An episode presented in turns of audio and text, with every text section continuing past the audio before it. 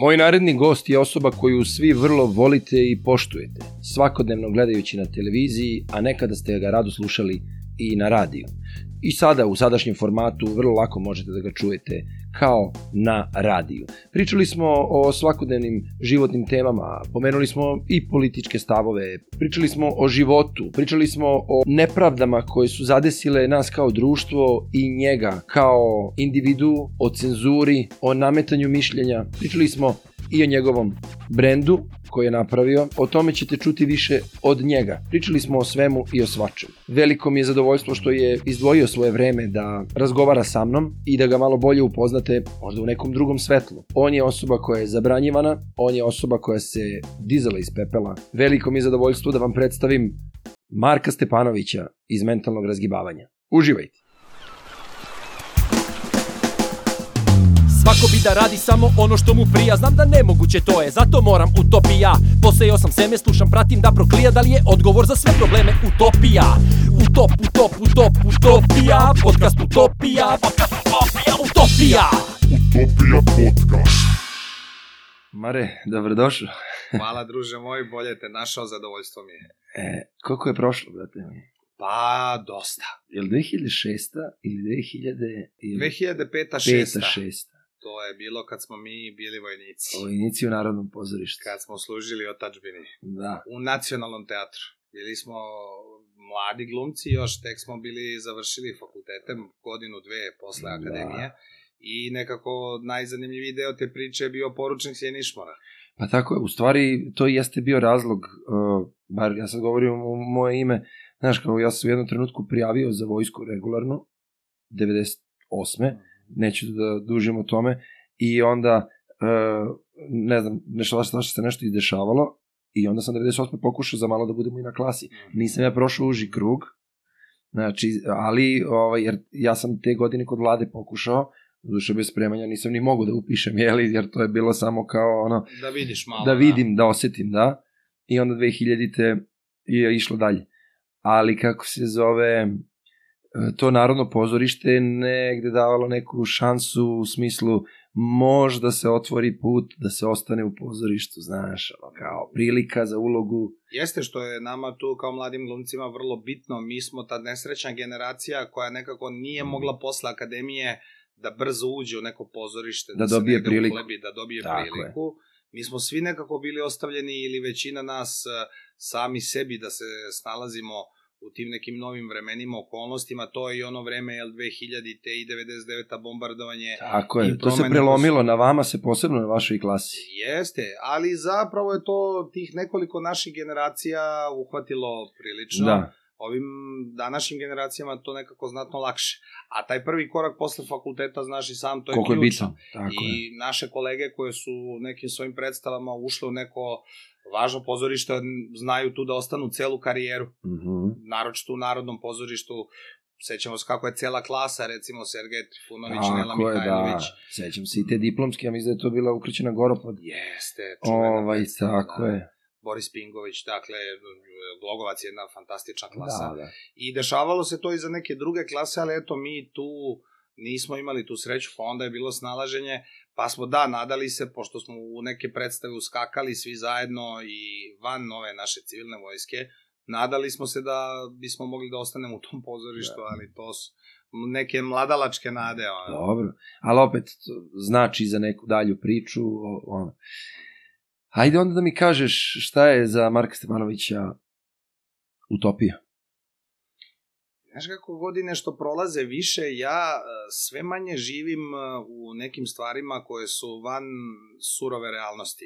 Nekako se vodim ono principom gvozdenih determinanti, ređam činjenice i onda na osnovu činjenica dolazim do nekih zaključaka ili iz nekakvih e, ličnih grešaka ili tuđih grešaka gledam odmah to da ispravljam Što je bolje, da. da li to nekako ide s godinama ili ne, ali e, pokuš, nekako sve to što bi mogla, e, što bi moglo da me povuče da mislim da je nešto utopija, ako ja u to čvrsto verujem, onda ne postoji mogućnost da to doživim kao utopiju. Kao što ne živim ni u predrasudama, dogmama, raznim drugim situacijama koje nisu meni opipljive, jasno ovaj, objašnjive i, i realistične. E sad, da li je to, kažem ti, ide s godinama, nekako to možda uz glumca nekog ne ide, mada i mi glumci više nismo boemi, mi postajemo ono nabildovani preduzetnici. Tako je. Koji se nude telesno, znaš? da, kao glumci. Pa jeste. Više glumci ne idu u kafanu, kada idu u kafanu svi radimo po dva, tri posla. Jeste. I glumci su počeli da bivaju i producenti obavezno, onda moraš Jeste. da budeš profesionalac. I, I, ne sve može... više naših kolega su i novinari, i voditelji, E, da. producenti, pa i pišu, jel? Stand-up Dobro, to komičari. jeste, jeste. Ali dobro, nek stand-up, iako je zasebna kategorija, ali Ajde da opet je bliska pozorišta. Da. Znači moraš da imaš, eto ko Srki, e, sad tvoj kolega, razumeš, Jovanović, Jovanović, jeste. Jovanović.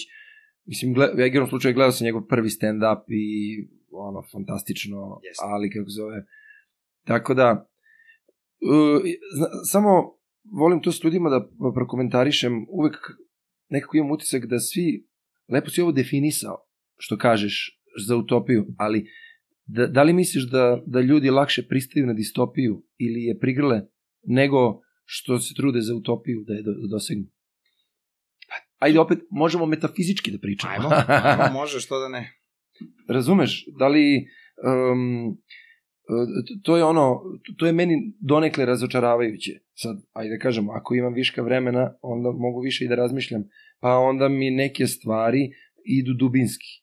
A, znaš, kad si prezauzet, verovatno si onda koncizan i onda višak se škartuje. Upravo tako. I mogu ti reći da sam nekako kod sebe otkrio da mi mnogo više prija to kad ja nemam puno vremena da mnogo uh, promišljam, da mi mnogo više odgovara da u toku samih procesa uh, donosim odluke i odmah da vidim nekakve rezultate koji naravno ne treba budu epohalni, nego treba budu samo jedan korak ispred onoga što sam do tad uradio. Dakle, Mhm. za svaki dan, svaki korak pomerim da se nešto novo desilo.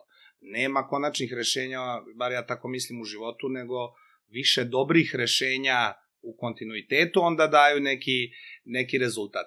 I onda, naravno, ima puno stvari za koje možemo da kažemo e, da su utopija. Naravno da je mnogim ljudima a, lakše da se vežu za distopiju pa da kažu ok, ovo je ovako, ali Viša sila. viša sila jeste, ali e, mnoge neke stvari za koje sam ja mislio da su e, čista utopija, kasnije su uspele da se nekako kroz život ih je namestio da se pokažu kao neka možda realistična priča.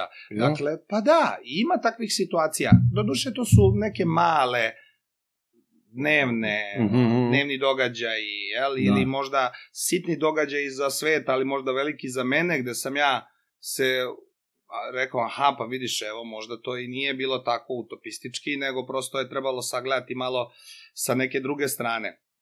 Neke velike ideje verovatno jesu utopija, ali i tu nekako što, što sam stariji, e, stvari za koje mogu da poverujem, kažem ti lično da ih opipam i u nekakvom svakodnevnom životu da primenim, prigrlim ih. I Mhm. nemam a, mnogo predrasuda, niti u startu zauzimam nekakav stav da li bi to moglo da bude ovako ili onako. Praksa mi je ne, nešto što mi je važno i iskustvo. E, iskustvene neke stvari e, sve više mi pomažu svaki dan. Dobro, da, da, da. I to posebno osjećam, čini mi se u zadnjih jedno 6, 7, 8 godina. Dobro, da, što kažeš, kilometraža se taloži i ona ti daje tu sigurnost. Znaš, uh, ajde da kažemo iz našeg posla, ja sam se divio ljudima koji su na keca mogli da dođu do rezultata, pošto ja ne spadam u takve, ne, meni je potreban dobar ovaj temelj i onda se to ne mrda. Jer onda kad imam tu sigurnost, tu bazu, onda gađa i topovima razumeš, ali to je postojano. Ali u našem poslu gde neko dođe i kaže, aj treba mi to, znaš kao, a desila se prilika za ulogu, ja je nisam isporučio, odmah si nekako skrajnut, znaš kao, brate, ovaj ne zna, ili ne isporučuje dovoljno brzo. Ali onda s godinama stičem, znaš, ono, neku sigurnost. Ja ni do čega u životu nisam došao tako što sam išao nekim kraćim putem. Mm. sve što sam napravio, ali što ima zaista neki rezultat i s čim mogu da se pohvalim i sad, posle toliko godina recimo unazad, sve sam uradio, što kaže pokojni Đinđić, tako što sam išao uz vodu. Da, da, da. I sada, tako me je život nameštao. Nijednu lovu lako nisam zaradio, nijednu ulogu, nijedan posao na televiziji, na radiju, sve je imalo ono trnje, jeste, pa je dolazilo nekad i do zvezda, pa opet nazad u blato, pa sve iz početka, a sad e, u ovim godinama i sa ovim iskustvom nekako i biram uvek taj put koji je put manjih ali sigurnih koraka, Da. dobro jasno urađenog e, posla, dakle ne odšljarivati bilo šta, Naravno. to sam ja naučio od mojih majstora, jel, e, poljoprivrednika i zanatlija s kojima se družim i sarađujem, Mm. kad uzmeš nešto, završi ga, uradi ga. A, Znači, nemoj da prelaziš na drugi posao, nemoj da krečiš ovamo, ovamo, ti se još malta Tako nije je. osušio, daj da vidimo. Dakle, u, i gledam da zaista to bude, e, da sve što radim bude urađeno dobro i onako na 100% i onda znam da je to sigurica. A e, prečice i, ne znam, ono, laka lova, brze uloge, šta god da je to, recimo, za naš posao, može da se desi, znaš i sam, jedna divna uloga velika, postaneš prepoznatljiv na svakom koraku i onda te više nema Da. nigde. da, da. Dakle, Nema nije pravila. nikakva garancija, seti se i šta su nas učili naši profesori da je u ovom našem poslu svejedno da li direktno na sceni u toj tradicionalnoj glumi ili ovoj nekoj primenjenoj koju radim ja, ali da je trajanje, Tako samo je je. to važno. To je važno. E, I sad kada se vratiš iz ovog momenta i odakle si došao? Iz Loznice si? Iz Loznice, Iz da, ja Loznice. sam rođen u Loznici, jeste. E, da li se sećaš tog momenta kada si planirao da upišeš glumu? Ajde, možemo kažemo, pa i meni je utopija bila, jeli, da uspem kao glumac, mislim, svakome od nas, ajde, kao neko manje, neko više, ali mada su svi želeli da se dokažu, Naravno. razumeš? E, si sebe zamišljao nekad i u ovom poslu novinarskom? Mm, Nekako... Da li si se bavio time u školi srednjoj ili... slično? Uve, uvek me je to zanimalo, sportsko novinarstvo me je zanimalo i voleo sam i kao klinac da imitiram komentatore Aha, i to mi je bilo super, voleo sam one radio prenose utakmica iz ono iz stare Jugoslavije. A, da, da, to ono što je bilo- valjalo. Jeste, ono što je bilo dobro. I onda uh, ne, sve se to nekako tu provlačilo, ali od malih nogu to i recitovanja, pobeda na nekim takmičenjima Mm. recitatora, pa sve do amaterskog pozorišta koje je počelo već negde krajem osnovne škole, uopšte nije bilo kao nikakve dileme čime ću se ja baviti. Ili ja bar nisam imao nikakvu dilemu da ću biti glumac. I naravno da se sećam svega toga, ja sam vrlo mlad, izašao prvi put na prijemni sa 16 godina Na FDU. na FDU, posle druge godine gimnazije, Čekaj bre, Mario, koji si ti godište? 79. Ti si koji razred, dve godine si mlađi, znači, dobro. I izašao sam prvi put kod profesorke Goce Marić. A, To je klasa u kojoj su posle bili e, naš prijatelj pokojni Marinko Mačgalj, e, Lako Nikolić, e, Kile tu bio. e, jeste, Aha. ne, Kičić je bio e, generacija ispred njih. On je, Aha, aha, on je bio A ne, ali on je došao kasnije, to je pričao baš kod uh, Galeba.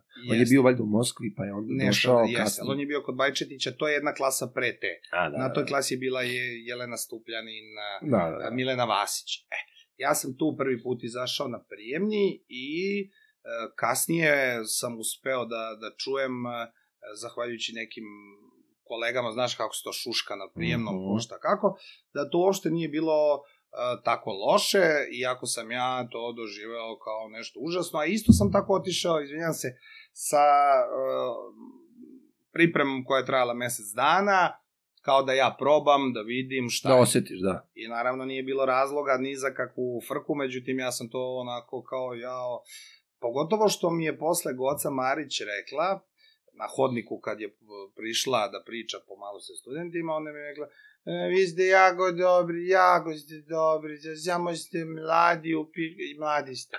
Slobodno možeš. Da, i ja kažem, dobro, ništa, znači kad dođem sledeće godine ima da me prime na keca, jel? I da pustiš brkove.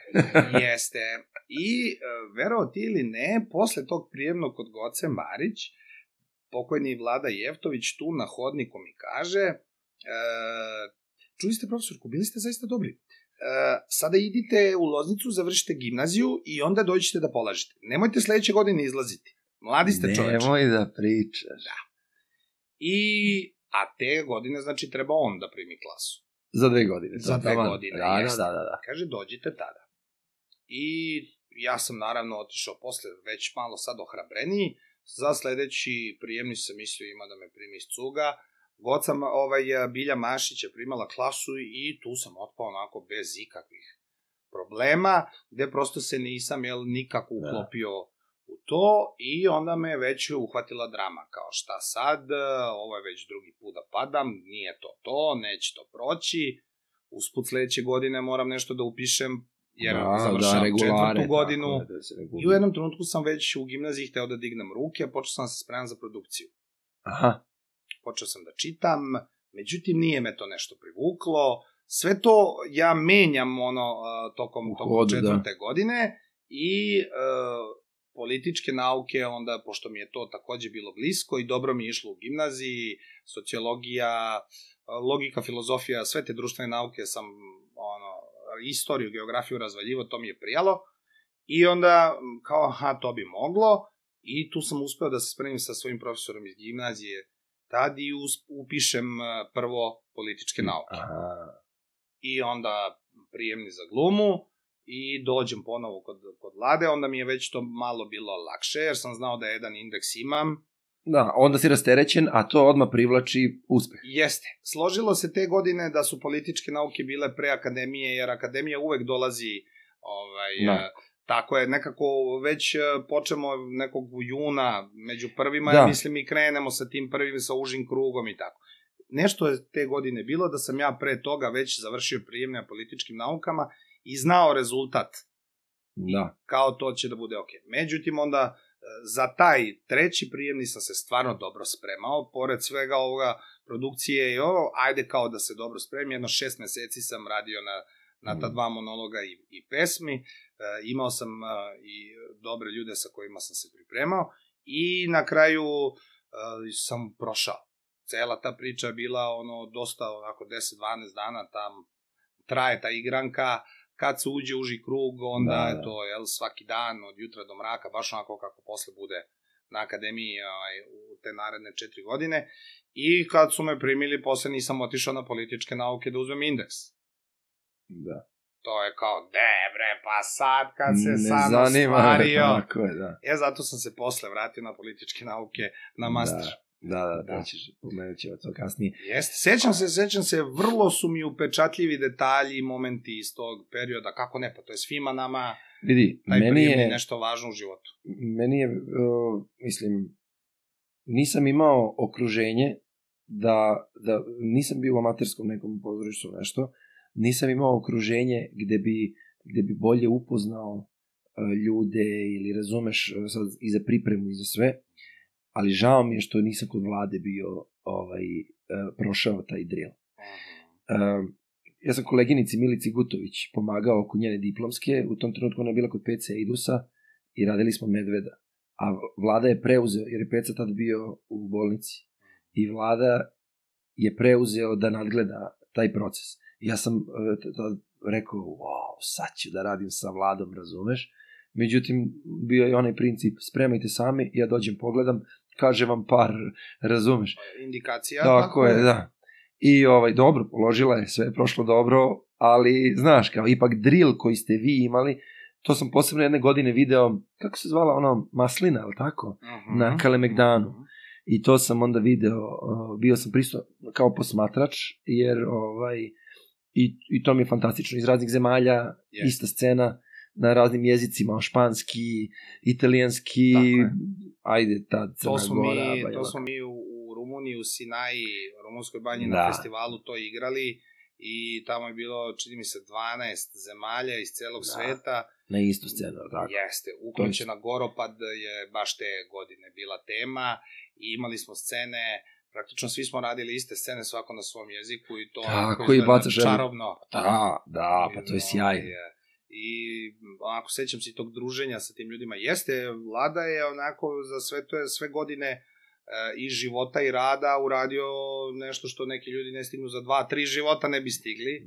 Stvarno neverovatan jedan um, e, čovek koji je bio doktor teatrologije, magistar filozofije. Dakle, on je dva fakulteta paralelno studirao, za sve to vreme dizao porodicu i kao glumac se razvijao i posle kao asistent, pa onda kao profesor. E, puno toga je uradio u, u čitavom formiranju tog sistema a, Mhm. glumačkog, jel, svi mi to negde po Stanislavskom radimo, ali on je tu imao neki svoj prepoznatljiv Modifikacije modifik- neke, tako, je, da, razumem. I, jel, nekako se njegovi glumci ne prepoznaju. Aha. E, naravno da nije on jedini. Ne, ne, ne, Isto ne, takvu šta. liniju je imao i profesor Bajčetić, koja Da, je da, takođe da. bila prepoznatljiva. I sada a, Pele, na primer, I Srki. i e, Srki, vidim da- je druga, Karanović, da. da. već mu je ovo sad Treća treća, da, on je bio i asistent, ušao je prvo, pa ne mogu se setim da da Da, praktično posle vladine smrti je preuzeo njih, mislim da su oni tad bili treća godina, aha. pa je on preuzeo tu klasu. Tako da izlaze naravno ozbiljni glumci, ali on je negde tu školu, čini mi se, e, postavio i od te prve one generacije, jel, da su bili Bijela, Manda, Pele, ta čuvena generacija, e, pa do, do te poslednje u, kojoj je bio, čini mi se da se sad i njegovi studenti, jel, su sad već profesori, Da, da. i Pele i, i, i, i Srki, e, i Marija, sad je i Marija, I, tako je, da. I, tako da ovaj, jeste. I ne samo kad je reč o glumi, svašta sam od tog čoveka naučio. Najviše u životu. Da, da, da, o životu, o, o ljudima, o situacijama, a što se tiče samog zanata, to je nešto stvarno da, da, da se postave neke osnove tog posla, onako jeste, on udara te prve dve godine dosta čvrste temelje Mhm. svima nama i ne da nam da mičemo korake napred dok nismo savladali Prethodni. prethodne, Što je ispravno, da. Ne prepušta slučaju. ne prepušta slučaju, spreman je da vraća scenu, da vraća, da vraća, da, da pola semestra izgubiš na jednoj sceni, a onda samo to je prodiše negde, Tako otvori, je. otvori ti jednom dobrom indikacijom. Da, on nik, nikad nije sedeo pa nama režirao scene. Da, da, da. On dođe, ogleda, Usmeravao je samo. ogleda, samo je usmeravao. Međutim, te njegove indikacije su toliko bile tačne u metu i jezikom e, koji mi lako možemo da razumemo. On je vrlo jednostavno govorio. Znači, nije pravio sad e, one, on je to voleo zove oneobičavanje. Naprotiv, Da. jednim e, britkim jezikom, kratkim, brzim rečenicama, vrlo smislenim jer je bio načitan, jel, onako za, za, za, za svaku pohvalu i medalju. I onda je bilo s te strane Milina raditi, mada je bilo i teških trenutaka tu. Sigurno. To je... Slušaj, bre, to je drill ko vojska. Ljudi dok ne prođu to, oni misle da je to sve za jebancije, To je isto razumeš? akademija, jel? Da. Znači, ti si prvo izmoren si, non stop si na akademiji 24 sata skoro, mislim, zavisi koliko hoćeš da radiš i koliko imaš uslova. Možda budeš koliko hoćeš, Možda ako budeš, hoćeš da, da. radiš toliko i možda izdržiš. I to ti druga kuća. Niko te ne Jeste. tera odatle, razumeš, znači... Ovaj, I reci mi onda kad se završila ta, eto, ti si 2002. Uh, Završio diplomirao, jeste. da. Um, jel su se desile neke ponude, prilike, kako se zove, da li, je, da li si igrao negde odmah posle, vas- jel je vlada pokušao da vas ubaci negde, šta si igrao? Mi smo tada igrali u, još na trećoj godini akademije, igrali smo u Jugoslavenskom dramskom pozorištu u Prljavim rukama. Aha, S Arturovim Prljavim rukama e, režirao je Rale Milenković aha. i sa klase smo igrali e, Srki Karanović, Pera Mihajlović, Laza Strugar i ja. E, ulazili smo na te neke uloge, e, ja sam prvo krenuo s neke manje, pa kad je Mačgalj otputovao nešto za Grčku poslom, onda sam ušao na njegovu ulogu i tako. I počeli smo nekako da se tu vezujemo, e, pošto je on bio upravnik Jugoslovenskog dramskog pozorišta, Mhm. ali je onda baš tu negde, kad smo mi završavali akademiju, došlo do smene Da. i u principu svi glumci koji su tu bili e, koji nisu bili već zaposleni ili stipendisti kao neka ranija njegova Da. klasa recimo da su bili Ljuba Bandović, Mina Da, da, Lazarević, da, da, da. Neša Milovanović, Nataša Šolak. Mi ostali smo kao honorarci, kao doviđenja, sad dolazi druga ekipa, znaš već kako Da, to kod nas u poslu da. ide. Dolazi druga ekipa. I onda posle toga je sve išlo dosta teže. Dosta teže, e, nismo imali e, ulaz u, u ta pozorišta, u tom momentu je nekako njega su ovi novi koji su došli 5. oktobra videli kao nekog starog režimliju što nije imalo veze, ali to su vremena bila takva kao aha, Da, da, ili si s da. nama ili si protiv nas. On je čovjek nekako bio iznad svega toga i nije bio ono, režimski tip, ali je platio i on neku cenu ce- svih tih događaja, a sa njim i mi. Da, Ostali- njegovi, da. Jeste, i on je posle čovjek morao se okrene novoj klasi, novim studentima, nama, se, nama je pokušavao da pomogne, ja za sebe to mogu da kažem, kad god je mogao i koliko god je mogao, ali smo morali u principu sami nekako da se snalazimo i onda sam ja, kao i mnoge naše kolege, krenuo prvo sa školicom glume, Aha. pa neke jel, dečije predstave, pa ceo taj period eh, od 2002. do mog odlaska u medije 2006. je prošao tu u snalaženju, snimanju po par epizoda, jedne epizode, Mhm, statiste mhm. sa zadatkom uglavnom i znaš već sve kako to ide Da, da, da, da. kad, da. si, kad si mlad glumac sa sve tom nekom željom, ajde kao nešto će se desiti, nešto će se ovaj, Da, pokrenuti. da, da, da, da. da. I reci mi, i kako se onda dogodila, a, a čekaj samo ovo da mi kažeš, pošto uh, jesi li razmišljao, na primjer, o povratku u Loznicu ili da možda tamo pokreneš nešto, da li su ti padale takve ideje na pamet? Uh, Nisu, nisu, ja uh, sam i kao dečak jako voleo Beograd, mi ovde i dok smo živjeli u Loznici imamo puno familije po Beogradu i mi smo kao deca često ovde dolazili, provodili, ne znam, desetak dana na zimskom raspustu sa tu našim rođacima, tako da uh, sam ja uvek voleo da dođem u Beograd i em, meni je prosto bilo već kao, znaš kako, e, dođeš e, do pred kraj gimnazije i onda u malom gradu manje više ti si do 19. godine pokupio neka iskustva, neka očekivanja, manje više sve ti je tu već jasno i Mm. nema se tu mnogo prilike za širenje života dalje i moja želja bila da dođem da živim ovde i da radim ovde. Bilo je u tom momentu nekih priča a, oko mogućnosti da par nas ode u Kruševac, mhm. da tamo pokušamo da radimo u pozorištu, to isto nešto nije upalilo.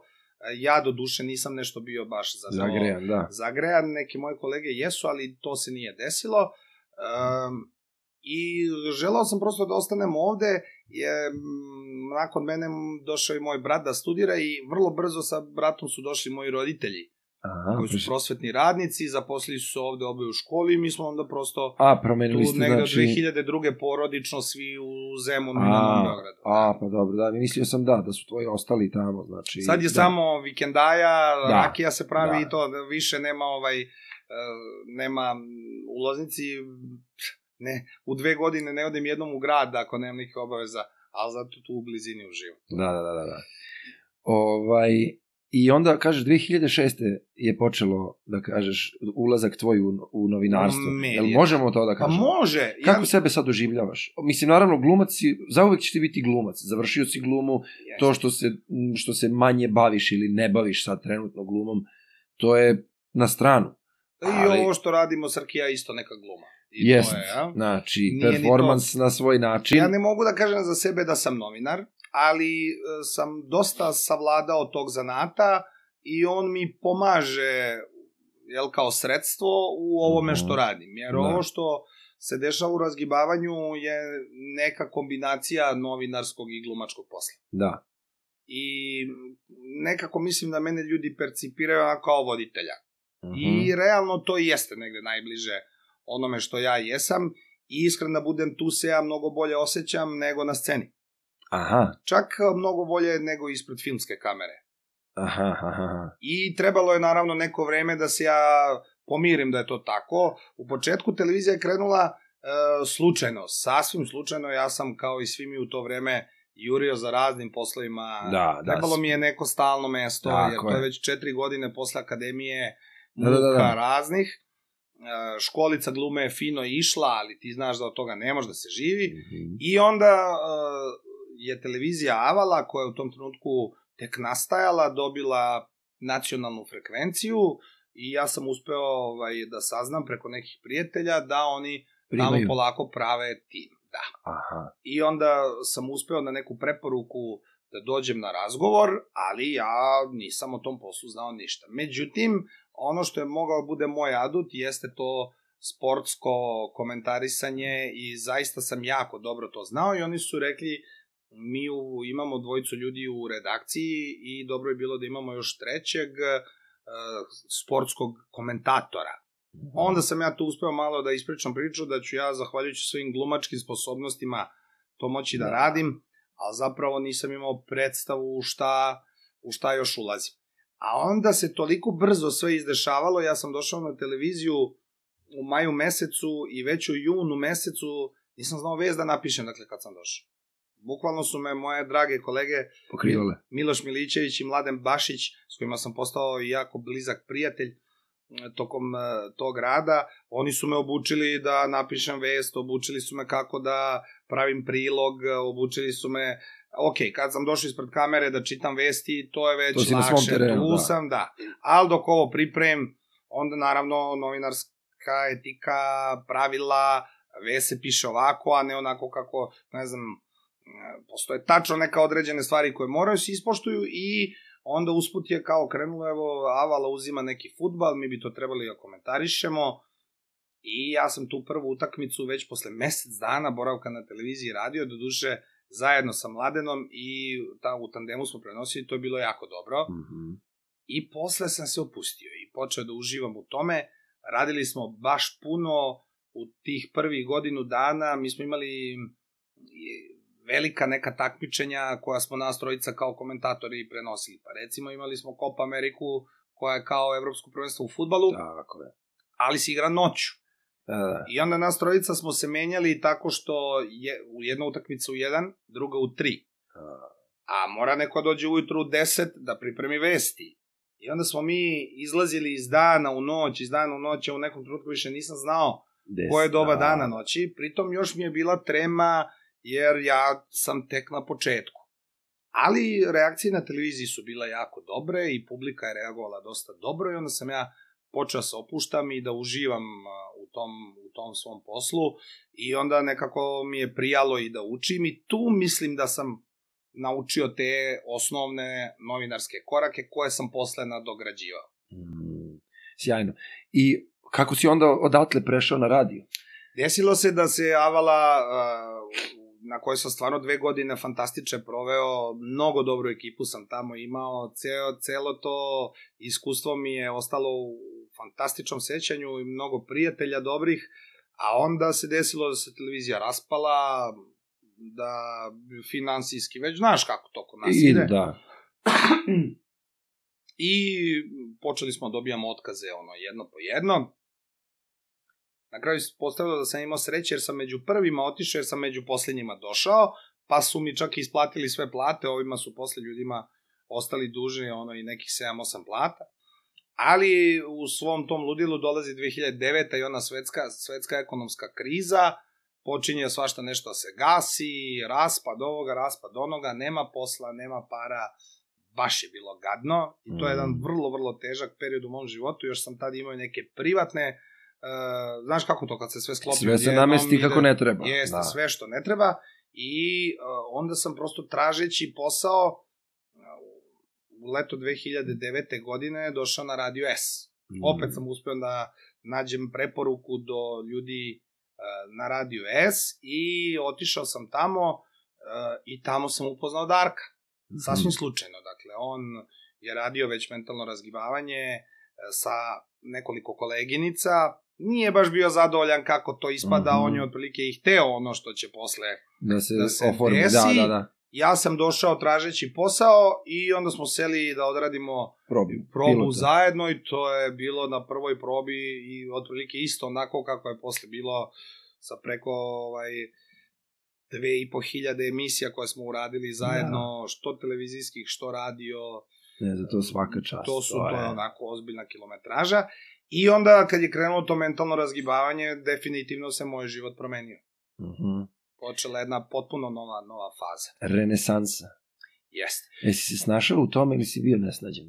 Pa bilo mi je super. Ta nekako je sve dobro leglo posle, posle tog e, te patnje navali e, zbog takvog e, razvoja situacije, onda kad sam došao sa Darkom, onda sam ušao u nešto drugo. Onda je, onda je to više nije bilo samo novinarstvo, nego mnogo više je davalo prilike za improvizaciju i bilo Aha. je znatno bliže našem poslu. Da. A opet, pretpostavljam da ti je bilo lakše zato što ste bili na radiju. I, i bio si fizički odvojen od uh, glasa, hoću da kažem, nisi imao situacije da neko uperi prstom ili da, da osjećaš neko gledanje. Mislim, govorimo o periodu kada je bio Mm. radio, je li tako? Jeste. S tim što ja nikad ne sebe nisam doživljavao kao radio čoveka i e, radijskog čoveka. Niti je radio nekako bio mediji za koji sam ja mislio da ću se vezati, iako sam ga voleo kao klinac, ali televizija je bila nešto što je mene od uvek privlačilo. Tako da, e, kada sam došao, ja sam mislio, a okej, sad ću ja na radiju da budem par meseci dok ne nađem neki drugi posao na nekoj drugoj televiziji, međutim nije kome rečeno, nego kome je suđeno. Ispostavilo se da sam a, praktično najproduktivnije godine do sad skoro u svojoj karijeri proveo upravo na radiju i da sam najveće uspehe zajedno sa Darkom napravio upravo na radiju. Kako se onda dešavalo, e, mislim, ja sam vas pratio tada, sporadično, naravno, ne, je li ono, kao, što u kolima, ali, o, bile su te promene, vi ste sa Radija S otišli, jel, na B92 odmah ili ne? Ne, mi smo Vi ste onda krenuli solo. u preduzetničku priču. Posle, posle ESA, na kom je razgibavanje eksplodiralo u Srbiji kao atomska bomba. Tako je, ja sam tad najviše slušao, i onda... Svi su slušali. Tako Mi smo je. imali milion gledalaca na ned... milion Slušalaca. slušalaca na nedeljnom nivou, Da, što je za radio, što je za televiziju e, velika cifra, a za radio je to bilo neshvatljivo. Da. I Gorica i Dragan su radili sjajan posao, onda smo se i mi pojavili i ta jedna nova forma radio emisije se pojavila. Znam da je to svima u početku bilo neobično, kao što sad ova dvojica se smeju nešto, pa vi šta pričaju, da, da, da, lupetaju. da, da. a onda su posle nekoliko meseci to slušali svi. Svi. Neverovatno je bilo, Da. da. i nas dvojica smo bili začuđeni kao šta se ovo desilo. Slušaj, znači ja se sećam, vozim dete u, šk- u vrtić i kada vidim da neko sedi sam u kolima za volanom i smeje se, znam šta sluša. Mi smo Da li razumeš? Razumem, mi Znači- smo imali nalepnice na kojima je pisalo nisam puko, slušam razgibavanje. I davali smo ljudima da lepe na automobile, Da. upravo zbog toga. Da nisu oni- ludi? Tako i oni su se prepoznavali, to nama su posle ljudi Grupe, pričaju, oni se prepoz, prepoznaju na semaforu ovaj, kako se smeju, kao što se smeje samo Tak. kolima. Ili u busu neko sa sluškama, pa aha. Tako je, tako I je. to je stvarno, bili smo pioniri u tom, u tom nekom poduhvatu, prilasku uh, drugačije nekako tom medijskom životu na radiju, je tada ta forma još uvek nije, nije zaživela. Uh, I pošto na radiju S uh, smo odradili dve sezone, negde smo osetili da je vreme da malo zaradimo i neki novac. Aha, aha. Pokušali smo s njima da tu dogovorimo, njima to nije bilo prihvatljivo i mm, mi smo onda odlučili da treću sezonu krenemo sami. Mhm. I to je bio veli i to je bio pionirski poduhvat, nekako je sve oko tog razgibavanja zaista bilo sad kad vidim posle toliko godina postavljali smo temelje za neke stvari. Tad smo odlučili da odemo i da krenemo u svoju priču a, na nagovor našeg pokojnog prijatelja Dragana sa Delta Radija koji nam je puno pomogao i negde nam otvorio oči. On je čovjek rekao, momci, vi imate publiku. Da. Baš vas briga, vama ne treba mediji. Vi možete to sami. I onda smo napravili taj sistem gde smo kod Darka u podrumu u njegovom stanu, kao što su sad tvoji uslovi za podcast, tako i mi sebi pravili isto ovako s mikrofonima, Da. samo što Gluva smo mi soba. to glu, gluvu sobu uspeli Da. u podrumu da napravimo i odatle smo emitovali program koje su onda radio stanice Preuzimale. preuzimale. I davala vam I Prava. plaćale nam novac za to. emitovanje. Imali smo 24 radio stanice, a nigde nismo u jednom mestu imali dve. Dakle, to je 24 mesta u Srbiji. sva- Pokrivali ste pokrivali celo. smo. Da. Zapravo smo nas dvojica uspeli da dođemo na nešto što bi bila nacionalna, Nacionalna pokrivenost. Tako je. Sami smo to sebi napravili. I što je lepota svega, postali smo sami svoje gazde, onda svi sponzori dolaze kod nas, Naravno. mi to naravno sa našim partnerima sa radio stanica dogovaramo reklamne blokove, delimo zaradu i svi zadovoljni. Tako je. I to je išlo jako dobro. To je, mi smo tu sezonu uh, živeli svoj san, jako dobro smo zarađivali, radili smo ono što najviše volimo, dolazili smo u trenerkama na posao i sedeli kod Darka u podrumu i uz kafu, pričali svako jutro i mnogo je bilo dobro, da bi onda došla ta ponuda B92 i to je onako dosta posle uticalo na, na ceo razvoj uh, mentalnog razgibavanja. To je Aha. jedna od ključnih Prekretnica. stanica, da. Znači, m, bila je dosta dobra ponuda koja se nije odbijala, a? Mi smo odbili dva puta da pređemo tamo, e, njihove ponude, ali e, jer smo smatrali da smo stvarno konačno napravili Pa da, zašto bi meni... A s druge strane, e, došla je ta ideja kao ajde da, mislim, nudi nam se da idemo na B92, ako je neko radio, oni su Da, I ime i ime, ne, institucije u tom Tako je. trenutku. Jeste, ne jeste. sluteći da su se tamo mnoge stvari promenile i da to Da. više nije taj radio iz, iz onog vremena, ali e, uslovi koje su nam ponudili su bili jako dobri. Uz radio emisiju dobili smo priliku da imamo i TV, TV emisiju. da.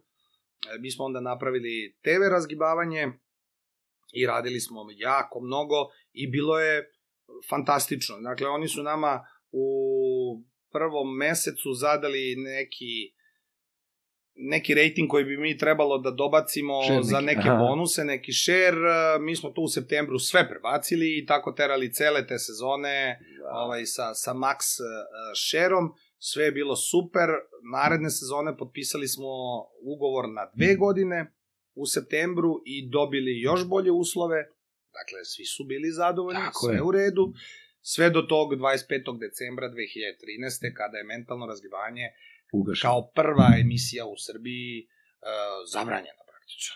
Da. Ja ne volim to ugašena jer je ona zabranjena. Zabranjeno. Da.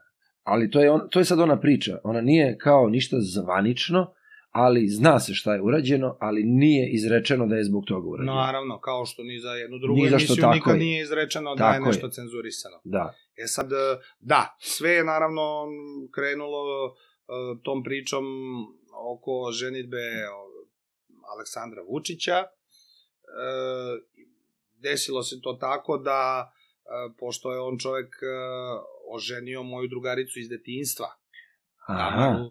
Đukanović, e, mi smo zajedno bili u amaterskom pozorištu u Loznici i jel, ja znam porodicu Đukanović celu, e, družili smo se kao deca i kasnije kao drugari mladi u pozorištu i tako, ali ovaj desilo se desila se ta svadba, onda sam ja saznao od naših zajedničkih prijatelja koji su bili na toj svadbi da se to desilo, ali video sam da se nigde o tome ništa ne priča, ne piše. Da, da, da.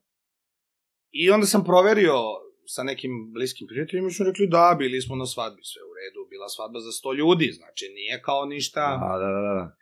I ja sad razmišljam, pazi, to, tu informaciju nema u tom trenutku niko. Da, da, da. Niko realno osim mene ko radi u medijima. Ili ovi koji imaju, neće da to objave. Jasno. A ono što naučiš u novinarstvu jeste da ako imaš- prvi imaš Tako je. vest, informaciju, ti si car. I zna se ko najgore prođe, onaj ko poslednji sve sazna. Zlatno pravilo novinarstva i službi u Srbiji. I, bezbednostnih veze službi. Da, da, da. Isto je pravilo potpuno.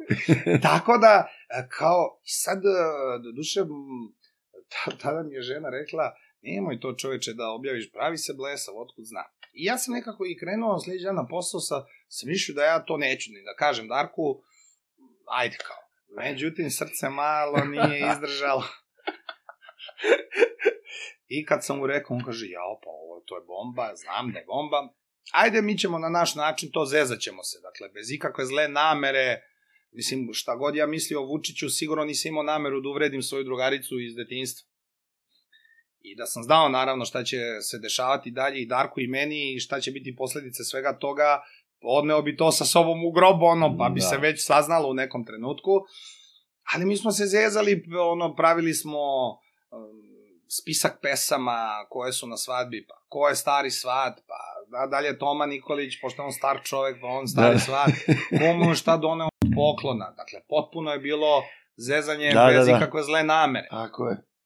Ali to nije tako shvaćeno, onda su nas naši s televizije zvali i rekli odakle vama ideja da se to desilo, to nije tačno, to nigde nije objavljeno, to niko ne zna. Ja sam rekao, ja znam, I ja to garantujem moralno, jel, Da, da, da. Imam info, da, I ispred ruke. o, ono, imam moralnu i krivičnu odgovornost, kako se to kaže, imam informaciju iz prve ruke, pa ja sad treba da objašnjam odakle mi izvor. U ostalom vidjet ćete, nije to ništa teško da se sazna. Ne, ne, to nije, to nije, to nije. Onda su tu usledile neke opomene. Dva dana nakon toga mi smo imali neku emisiju u kojoj glavna tema bio Sebastian Kurz, A da. I sad kako to kod našeg naroda ide, a i mi to svi volimo, onda smo i menjali kurca kroz padeže. Tako je, da, I da. kao, i bila je prili, pri- priča ko će da ga primi. Dolazi kurc, ko da primi kurc. Sad mi može da ga primi Dačić, da ga primi Vučić. Tako je. Ako ih je to uvredilo, onda mislim. A naravno, Toliko su to naravno. banalne fore bile. Naravno. Uglavnom su se oni jako naljutili i mi smo 25. decembra 2013. godine u 8 sati uveče obavešteni da sutra ne dolazimo na posao. Ugovor, ugovor vam i dalje traje, vi primate plate, sve, Sve. samo ne dolazite na Samo posao, ne do dolazimo na daljnjeg. posao. Do daljnjeg. Zašto? Pauza je. A dva dana pre toga, kao pauza Nova godina, Božić i to. A dva dana pre toga, ja pitao da li ćemo imati neke slobodne dane za praznike, putovao bih s porodicom van grada. Ne, ne, radimo samo baš za Da, dan da. Božića, za Novu godinu, dva dana, znači. I odjednom kao pauza. Kako sad bre pauza? Da, da, da. da. Međutim, mi smo, sva sreća, brzo reagovali i shvatili smo šta se dešava. I onda smo to javno objavili. Pre nego što su oni stigli da nešto reaguju, mi Da. smo to iznali, Darko je to izneo na Twitter i krenula je Lavina. lavina. Da bi onda sutra Vučić objašnjavao kako on nema ništa s tim i kako bi on voleo da se mi vratimo na posao, a onda ovi iz Da. BDV2 kažu, a pa ne može na nas niko da utiče i tak, već. mislim. E, I posle toga je prošlo nekoliko meseci, mi smo naravno znali da se više nećemo vratiti, e, hteli smo da ih tužimo, međutim onda smo e, išli na neko vansudsko poravnanje u kom su oni isplatili nama neki zaostali novac. Mi smo bili u fazonu, ok, tako je kako je, Da, da. i završena priča. I sad da se tu završila tako ta priča, iako je bilo jezivo, ali da se tu tako završila priča, pa mi otišli na drugu neku radio ili televizijsku stanicu, s obzirom da smo imali u tom trenutku neverovatnu popularnost. Međutim, mi više nismo smeli da uđemo ni kao čistačice ni na jedan radio, niti na jednu televiziju. Da li, su, da li vam je to neko rekao indikativno ili ili je bilo ono kao okolo, e pa ne treba nam, ili nismo zainteresovani. Znači, ili je bilo, bilo... je svega. Bilo je svega od toga da ima ono toliko poštenih kolega koji kad me vide kažu nemoj Mare, molim te, vidiš da ovi šta rade. Da. Znači, autocenzura u startu. Tako je, ali autocenzura koju pre toga sprovede cenzura, ti si poslao poruku svima ako budete Da. radili ovo i ovo, desit će vam se to i to. A onda pusti mašti na volju, šta će A da- onda naravno gomila naših ljudi, znaš već kakvi su naši ljudi. Ma nije to zbog toga, ma to je nešto Naravno. drugo, ma to se oni posvađali, pa mala im gledanost. Mislim, a mi kako smo onda tri meseca pre toga dobili sjajan ugovor na dve sezone, Da. što na televiziji nije praksa, uvek dobiješ ugovor na jednu sezonu. Tako je, da. Znači, kao šta se sad tu Dešava, desilo da. za tako kratko vreme, kako smo odjednom od eh, ljudi koji su pravili dobar posao za, za tu kuću, sad odjednom postali nepoželjni. Sve je bilo jasno, uh, išli su izbori u martu 2014. Mm. i jasno je bilo da treba to malo obustaviti. Tu su ovi ovaj, carevi koji su i dan danas eh, na vlasti počeli da udaraju temelje eh, Tako tog svog to sam hteo sad da kažem. Um, I to se to toliko raspirilo da je to otišlo u užas. I haos su mi napravili od života. E, to sam hteo da te pitam, izvini. Da li si na ličnom tom nivou, da li si osjećao, um, ne mogu da definišem kao sad strah, ali opet, da li, da, da, da li si imao te neke, da ne? e, ono tipa okretanja ili nešto... Kako da ne, pa meni je ovaj, u kafani Fontana, nekadašnjoj u kojoj smo mi voleli da se skupljamo drugari, došao čovek i seo i rekao mi da iz policije i da me on sluša kao ono, kao, kao da sam u sred profesionalca. Da. Ovo je neverovatno. Čovjek vrlo fino došao, rekao mi, ja slušam vaš telefon, vodite računa šta pričate, molim vas. I ja mu kažem, pa ja mnogo gore stvari kažem u emisiji, moj život privatno je Da, vama da, da. Ne, ne drogiram se, ne kradem, ne varam Da, da, ženu. Šta ćete, nemate zašta da me uvatite. Samo nastavi, da. A ovo što pričam, ja to pričam u emisiji. Ali bilo je, bilo je tih jezivih stvari. Ali nije naivno. Najgora stvar je to što prosto si obeležen kao državni neprijatelj i ne možeš nigde da uđeš. Sad iz takve jedne situacije e, u kojoj smo napravili sjajne rezultate, sad je neko samo to zavrnuo i nema više ničega. Da. Naravno, u tom periodu je dosta patila onako moja porodica, e, kasnije se rodila i Ema, sve, naš dete malo, znaš koje su to sve obaveze. Da. Ja sam na kraju onda digao ruke, počeo sam da se bavim nekim drugim stvarima, da organizujem žurke, A, jeste, promocije, bavio sam se malo tim delom priče, pošto su me toliko iznervirali, onda sam posle ovaj, se malo aktivirao i politički, imao želju prosto da, Jesi tad da im što završio, pre vidim leđa. Jesi tad završio Jeste. master na političkim? Jeste, te sam godine, osim što sam se borio za posao, iskoristio da uradim to što sam već započeo bio taj master. Ja sam njega 2012. upisao i nisam imao vremena da ispratim sve Da. i to je dosta bilo zahtevno. Znaš šta, ti kad ne završiš osnovne studije na jednom fakultetu, a dođeš ipak Iz iz, drugog neke miljea, druge, iz drugog miljea. I s, ja sam bio jedini glumac koji je na političkim naukama na postdiplomskim studijama. Svi su bili u fazonu kao šta, otkud ti ovde? Da. Pa rekao, to je moja neka strast i, i želja da se malo tu dodatno još obrazujem i usavršavam i znači mi i za ovaj posao koji radim i interesuje to mene. Mene jako interesuju društveni sistemi, politička uređenja, um, mnogo knjiga sam pročitao, mnogo filmova i dokumentaraca o tome odgledao. Um, ja sam završio master studije sa radom politički izborni život u Nemačkoj. Nemački izborni sistem i sve ostalo znam bolje nego naš. A i mnoge druge, jel, engleski, ajde, američki, da. ruski, francuski. Ajde, jel možemo sad mali da skretanje da napravimo? Može. Evo, mene sad to interesuje, jer, jer nisam, volim da slušam, da gledam. Poznaš kao ono, kao klinci kad smo bili, pa kao prebacuješ dnevnik ili kao ćale smara, da i kao, znaš. Ali što kažeš, s godinama nekako hoću da sam upućen, hoću da čujem, razumeš? E, ka, e, šta je to što, što privlači ljude politici? Mislim, ne pričamo o moći, Znaš, kao ja kapiram da svako ko uđe u politiku, govorim sada načelo, svako je u startu dobar, ima želju, ja se nadam da je tako, ima želju da učini dobro za svoje okruženje, za svoju ulicu, Tako za bi svoju trebalo zgradu. da bude. Tako bi trebalo da bude. Naravno, izuzetaka uvek ima. Ali šta se dešava, ono kao, da li sad kad si završio master, da li si shvatio deo mehanizma? Jesam.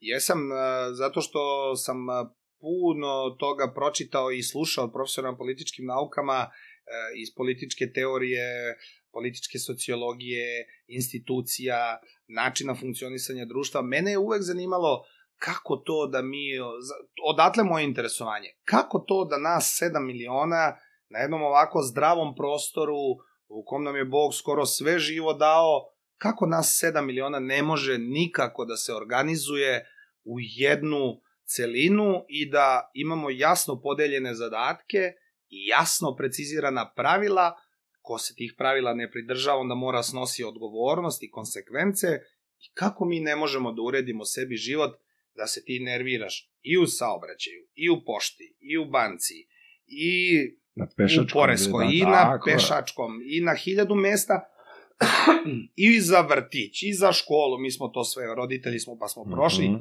Dakle, to su sve neke stvari koje ti ne možeš da shvatiš. I onda sam ja to izučavao, inače mene politika interesovala i moj otac se bavio politikom, pa je to meni od, kao, od malih nogu bilo zanimljivo. Mhm. I pratio sam, slušao, gledao i to šta on radi, a onda sećaš se, mi smo 90-ih prosto bili Da, prinuđeni osuđeni, da se... Tako je, morali radimo. smo. Ja gledam danas ove klince i zavidim im. E, Često moji gledalci kažu, mi na protesti izašli, a nigde mladih. Pa neće, baš ih briga.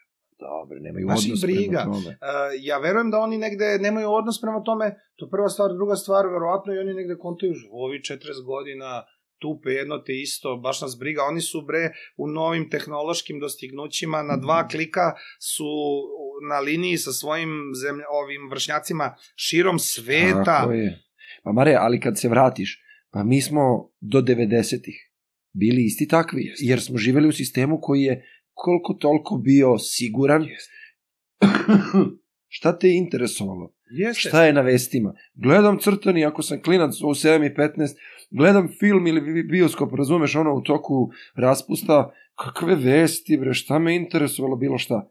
I tek kad je počelo sranje, razumeš, tek onda počinješ, jebote, A, ovde vidi puca, sad. razumeš, ono. ali u stvari, to je došlo i sa godinama. Mislim, nije džabe što studenti to počinju da rade. Razumeš, znači sad počinješ da trezveno razmišljaš, tada se ne penješ na drvo, jer može da padneš. Kao klinac se penjaš i letiš uz drvo, A i razumeš? seti se, mi nismo mogli nigde. Ovde su stalno Tako bile neke je. sankcije, dizane, dizale su se granice nove, Tako ludila je. mozga. Danas, e, mislim, potpuno izgubljeno vreme na, na, i životi, nažalost, a nismo u to vreme kad smo ti ja bili studenti, trebalo da putujemo po Evropi. Da više Tako je, putu-. Mi glumci pa nismo putovali. Da. To je jezivo, to je takav greh prema generacije, nekoliko Da, generacija, da. Pa više generacije u stvari od 90. pa no, na ovamo i sad kao hoćemo evo daj da i ove uvučemo i njih mlade. Pa neće, oni će da završe srednje škole, eventualno fakultete i odošli u neko srećno društvo gde naši ljudi dobro funkcionišu. Ti kad pogledaš, naši ljudi kad dođu u bilo koji uređen sistem Uklope se. i dolaze njihovi talenti do izražaja. U haosu, u anarhiji, I tu nema, nema, ne, naravno onda secike se, hochštapleri i razni Onaj drugi. Beč jel? koji smo pomenuli, što smo bili sa Narodnim pozorištem. Ja se vraćam, pun utisaka. Znaš koji mi je bio jedan od najvećih utisaka? Ajde kažem dva.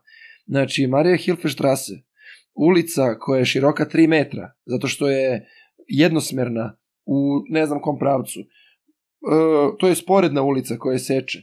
Znači, preskočiš iz zaleta. Crveno svetlo, 60 ljudi s jedne i sa druge strane čeka, a iz smera odakle dolazi auto nema nigde nikoga. Znači, realno možeš da preskočiš. Svataš? Ne, ne. Niko se ne pomera. Ne. Zašto? Pa zato što je to normalno. Takva su pravila. Da, u- pokretne stepenice, svi stoje s desne strane. I propuštaju ove koji žure. Tako je, vrate. I ja se vratim kući i ja sad pričam pun utisaka kako je to normalno, a meni kaže ortak, to je nenormalno. I mi uđemo u, u diskusiju. U stvari, to je relativno šta je normalno. Pa u Znaš, principu vidi da on ode isto tamo, Tako bilo je. bi mu normalno. nema zato što štrčiš. Ti ako, čak su neki naši prešli, razumeš, i ti štrčiš i sada zavisi samo od tebe da li Naravno. ćeš da dozvoliš, ne da štrčiš, nije to stvar lošeg da štrčiš ili, znaš, nego zašto? Znaš, ja ne mogu da shvatim da mi već toliko dugo ne možemo da rešimo pitanje đubreta. Ja ne znam ti da li Da. ili ja sve više, mi živimo u, mi živimo u govnima do guše. Tako je. Znači, mi živimo u prljavštini na svakom Tako je, koraku. bre, mare. Ja ne mogu da shvatim da mi ne možemo da rešimo pitanje deponija, kanalizacija, da se krene u reciklažu, da se, znaš, kao evo ga papir, plastika, staklo. Zato što postoji uvek druga priča, druga strana priče koja nekome ne ide u prilog. Ali opet bi se tu Upravo. vratio, izvini, na politiku koju kažeš da si je skapirao struktur, kroz strukturu, ja Tako kapio, da. Ono što mene sad ja laički pitam, a ti mi objasni. Znači, radio si Nemačku, je tako, njihov sistem. I uzimamo da je taj sistem jedan od boljih, je li tako? Tako je. u Evropi, ajde da kažemo, neću sad, ne znam. Šta mene interesuje? E, sad na ovoj prekretnici, ne prekretnici, u ovoj situaciji oko Ukrajine, oko rata, oko svega, gde su podeljena mišljenja ko šta kako, da li je neko isprovociran ili ne ulazimo u to. Ali ja sve više stičem utisak, znači, ovi su ludaci zato što se ponašaju šerifovski, govorim sad Rusija šta je uradila, razumeš, sad da li je isprovocira, nije, nije važno, A s druge strane imamo Evropu koja ti u rukavicama zapuši nos i gurate u govna.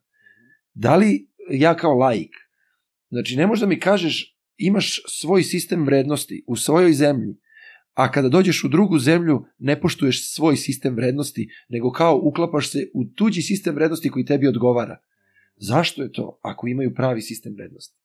Pa zato što mislim da je ovo neki moment eh, kako se to inače na na neki određen broj decenija dešava u svetu da dođe do nekog velikog obračuna između velikih. E, vidi, e, nisam mislio da pričamo o tome. Dobro. Hteo sam da te pitam više da mi se osloniš na taj za- zapadni politički sistem. Mhm. Da li je on stvarno u rukavicama ili je to moje pogrešno kapiranje stvari? Zato što stvarno imam utisak da, da e, uz sve naše mane, znači ovo što kažeš, đubre i divlji i ovi, ona, da li jesmo ili nismo, Nepoštovanje pravila, to je ključno. sve to stoji. Sve to stoji.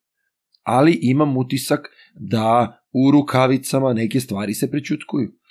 Znaš kako, oni su sebi tamo udesili za svoje društvo život tako kako su kako žele. Da. I primaju razne druge ljude, u Beču živi 150.000 Srba. Dobro. U cijeloj Austriji živi 350.000 Srba. Verovati ili ne, u Austriji ima 1100 srpskih kafana. Ja sad tamo izvozim svoj proizvod, pa onda češće idem u Beč i e, pravila važe za sve.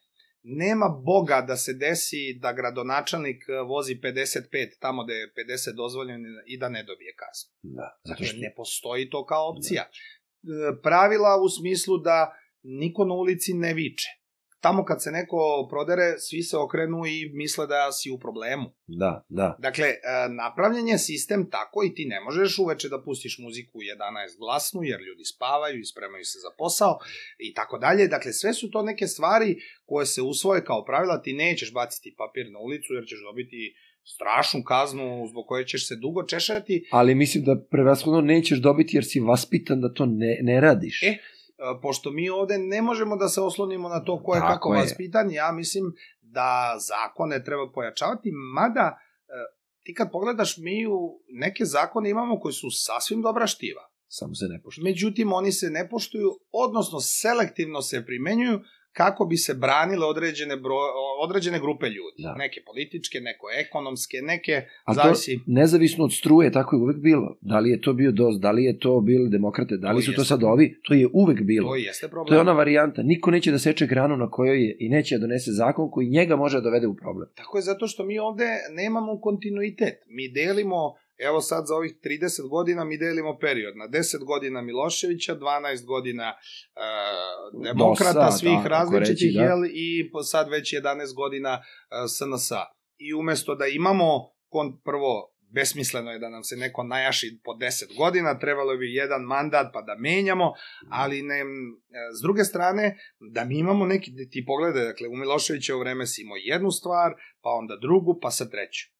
Nikakav kontinuitet. Svako ko dođe kaže, pre mene ovo ništa nije Tako valjalo, je. ali to nam se vuče i od ranije, jel? Ne, I kad su komunisti stoji. došli, oni su rekli, ovu Kraljevina, bivšu državu da, da, se da.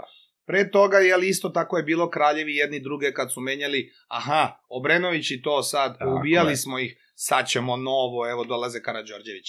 Isto to je li i ranije. Tako da nemamo kontinuitet, nemamo neka jasno postavljena pravila, merila vrednosti, pominjao si tu staru zemlju, znali smo, znali smo otprilike šta su neke vrednosti. Poštenje, neki moral, lepo vaspitanje, e, ne sme da se krade, Uh, seti se, niko od nas nije bio ni mnogo bogat, ni mnogo siromašan, svi smo manje više bili tu, ta neka srednja klasa. Jel, redko koje dete se izdvajalo nekim skupim patikama, a nije bilo ni mnogo ove siromašne dece, Mm, E, danas su te razlike mnogo veće užasno, da. I e, prosto mi nemamo e, ni kao društvo, a samim tim ne možemo onda da imamo ni kao država, neka pravila kojih se držimo i moramo da nešto uzmemo i da guramo jedan vek i onda ćemo da naučimo. Mi smo 12 godina uzeli demokratiju i rekli, ma bez veze, ovo, vrati ovog jednog koji odlučuje sve, to je nama super. Da, treba vreme. Ali vidi, Mare, opet kažem ti, um, na primer, imam, a, ja stičem laički taj utisak, a to je da a, svim ovima sa zapada, govorimo o političkim strukturama koji učestvuju u ovome što se nama događa i kako god, a njima ne odgovara da se narod bilo šta pita. Ne, Njima odgovara da neko dođe i da donese odluku u ime naroda upravo. i da kaže, to je tako, ti si donao odluku, ko te jebe, razumeš, nije važno ko je, shvataš? Upravo. Ne, Pa, To je tužno, jer dolaziš iz sređenog sistema, a spreman si da svoje vrednosti potkopaš i opet me onda to navodi Istina. na sledeće, da e, se dovodi pitanje, realno, mi jesmo jeftina radna snaga za Evropu, jer zašto bi oni išli u Indiju ili u, u Afriku da rade kada mogu na tlu Evrope da imaju neku, nazovi, jeftinu radnu snagu? I ako je već tako, pa neće oni, zašto bi oni nas primili kada onda im se diže standard, razumeš, i onda bi i mi imali neka veća prava, razumeš? tako je. Tako da ja imam utisak da je tiha vatra tako koja će tu uvek da se krčka i, mislim, Ja Da- sam da li saglasan, grešim? ja sam saglasan s tobom, mislim da ono što a, radi taj zapadni svet u političkom smislu ubija ovde svaku želju za demokratijom, oni sprovode ovu takozvanu stabilokratiju, njima odgovara, ja pretpostavljam da je to zbog iskustava koje su ovde 90-ih imali sa nama, da više ne razgovaraju to sa nekakvom vladom, sa civilnim sektorom, sa raznim delovima društva. Ne, oni dolaze kod ovog jednog, isporučuju mu svoje zahteve, pogotovo ovo su teška vremena kad je rat među velikima, Mm. oni onda ne biraju mnogo Da, da, sredstva. da, da, samo gazi. e, samo gaze, ali vidi, to je bilo i pred drugi svetski rat i pred prvi i tu mali narodi moraju da budu jako, jako mudri, nikako da se ne nađu između sudara slonova kao miš koji tu Da. lunja, a hoće, kad se tu nađu, evo nesrećne Ukrajine, jel, šta joj se dešava. Tako da u tom smislu u pravu si, oni imaju svoj sistem, a ovde sprovode nešto drugo, ali e, delimično, ne delimično, uglavnom smo za to mi krivi, jer ako oni ne mogu decenijama da pomire Albanci i Srbe na Kosovu, oni onda u jednom trenutku kažu u redu, pošto ste nedokazni, sad će biti ovako kako vam mi kažemo. Tako je, nažalost, ako se sećaš, bilo i za Dayton i za sve ostalo, dok ih nisu priveli ono, Tuđmana Miloševića i Aliju za isti sto, za- zaključali ih u jednu prostoriju i rekli, sad ćeš to da potpišeš i neće ti izaći odavde dok se ne dogovorite. Da. I pretpostavljam da su naučili, onda posle sećaš se kako je bilo i kad su došle te demokratske vlasti, koliko su ih Hag, Hag, Hag, ajde Hag, što pre Hag da se završi i sami su dosta kumovali a, raspadu tog nekakvog ipak smenjivog, na izborima smenjivih ovaj, vlasti i vratili nas ponovo sad gde imamo jednog ovaj, gazdu, da. on misli za sve nas i izobrali su super lika koji se uklapa u tu priču. Da. Mislim, tužno je, zato što, uh, znaš, ja kao otac, ja pokušavam, ja imam, to je utopija, Mare. Znači, ja pokušavam svom detetu da kažem, ok, mi smo potrošeni. Znači, ja mogu kao roditelj da pokušam da namestim život što bolji, da bude za, za dete. Ja ne spadam u ljude koji želi da dete ode. Ne da što će mi nedostajati, nego ako svi odu, pa šta će ostati, brate, razumeš? Pa svi će otići, pa ideš iz govana, brate, nećeš da plivaš u govnima Nećeš. ako si. Ako Znači, imaš mogućnost, zašto bi? Da, Ali... Mi smo tu, mi smo, mi, ja ću ostati tu, nemam više, kad nisam otišao, ja sam ovaj, nekoliko puta pokušao da odem, e, jednom za malo je bilo jako blizu, jer sam šest meseci proveo u Minhenu, tamo sam živeo, imao školicu glume i srpskog jezika. Zeza. Da, to je bilo Pa. super. I? Imao sam 60 naše dece i želeo sam a, da ostanem tamo. E, To se negde sve vezivalo na ove probleme sa razgibavanjem i sve što je posle toga išlo. U jednom trenutku se meni stvarno bilo Nostalgija, skučilo. a? Ne, ne, nije nostalgija. Žena i dete su mi ostali ovde, čerkica je bila mala, ja malo tamo, malo ovde, bilo je nezgodno. Jeste. I trebao mi je naravno još jedan posao koji bi me vezao tamo, a, jer sama škola glume nije dovoljna da bi Mhm. mogao dobiješ papire, radnu dozvolu, Da. sve to ima svoj proces, ali učio sam nemački i sad ga malo obnavljam, e, tako da um, želeo sam, želeo sam da ostanem i za tih šest meseci e, života tamo svašta nešto novo vidiš i naučiš i vidiš malo kako neke stvari jednostavno funkcionišu i pitaš se što mi to komplikujemo Da. kad vidi kako ovo Sve jednostavno može. ide. Sve može. Sve može. Ali i ono malo što si rekao, ok, jesu surovi ovaj, veliki prema nama malima u političkom smislu, naročito i u ekonomskom, jel, gledaju nas, e, mada se i mi sami nudimo kao jeftina radna snaga, ali e, moramo mi sami, ne vredi, ne, neće niko naše ćeš- društvo da napravi. Ali, Mare, ali kako ćeš sam ako ti neko ne dozvoljava? Vidi, ne, niko, se, niko nama ne smeta da mi ovde napravimo uh, nekakav red i pravila koja ćemo svi da poštujemo. To nikome sa zapada ne smeta.